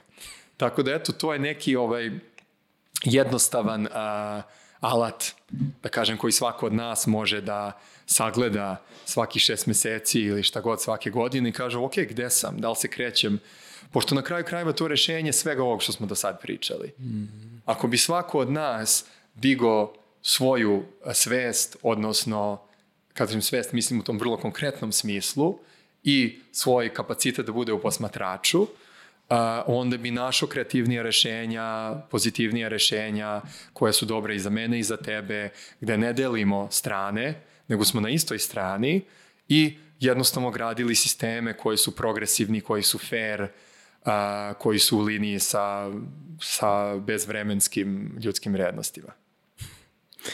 Šta da kažem, nadam se da je ovo početak jedne takve vizije, ovaj, bar u smislu ovog našeg razgovora danas. Uh, imam utisak da ovo definitivno nije posljednji razgovor koji ćemo voditi, jer smo danas dotekli toliko tema i stvarno na svakoj od tih tema može da se napravi posebna epizoda ovoj podcasta i baš bi se radovao kad bi mogao ponovo da te ugostim da pričamo o svemu tome. Pre nego što danas budem zatvorio ovu emisiju, moram prvo da ti kažem jedno ogromno hvala mm. što si došao. Hvala tebi. Što si podelio ovo sa mnom, ovo, mislim, nije mala stvar i hvala ti na tom nevjerovatnom entuzijazmu. hvala ti na volji, pre svega. I na tome što si nekako istrajao toliko dugo na tom putu koji nimalo nije lak, mm. što imaš tu želju i nameru da pomogneš pre svega i ljudima sa Balkana, odakle i sam potičeš. I sve ovo čemu smo danas pričali, pomenuli smo stvarno puno toga. Stavit ću sve linkove u opisu ovog videa, tako da ćete to svi moći ovi da pogledate i da se informišete dodatno u vezi svih tema o kojima smo Nikola i ja danas pričali. I Nikola, ostaje samo da ti poželim puno sreće na tom putu. Nadam se da sam ja, evo, sa ovom epizodom malo doprineo širenju te neke vizije, jer kad te slušam, sad kad pričaš o svemu tome, zapravo baš mi je onako ovaj, drago što smo to mogli da podelimo. Ti si energetski postao deo tima već. ok, znači zaposlen sam. Sjajno. hvala, hvala ti još jednom. Ovaj, nadam se da ćemo se vidjeti ponovo uskoro. Hvala vam što ste bili s nama do kraja ove jako zanimljive i bar za mene lično vrlo povučne epizode kosmičkih putnika i vidimo se ponovno uskoro. Ćao!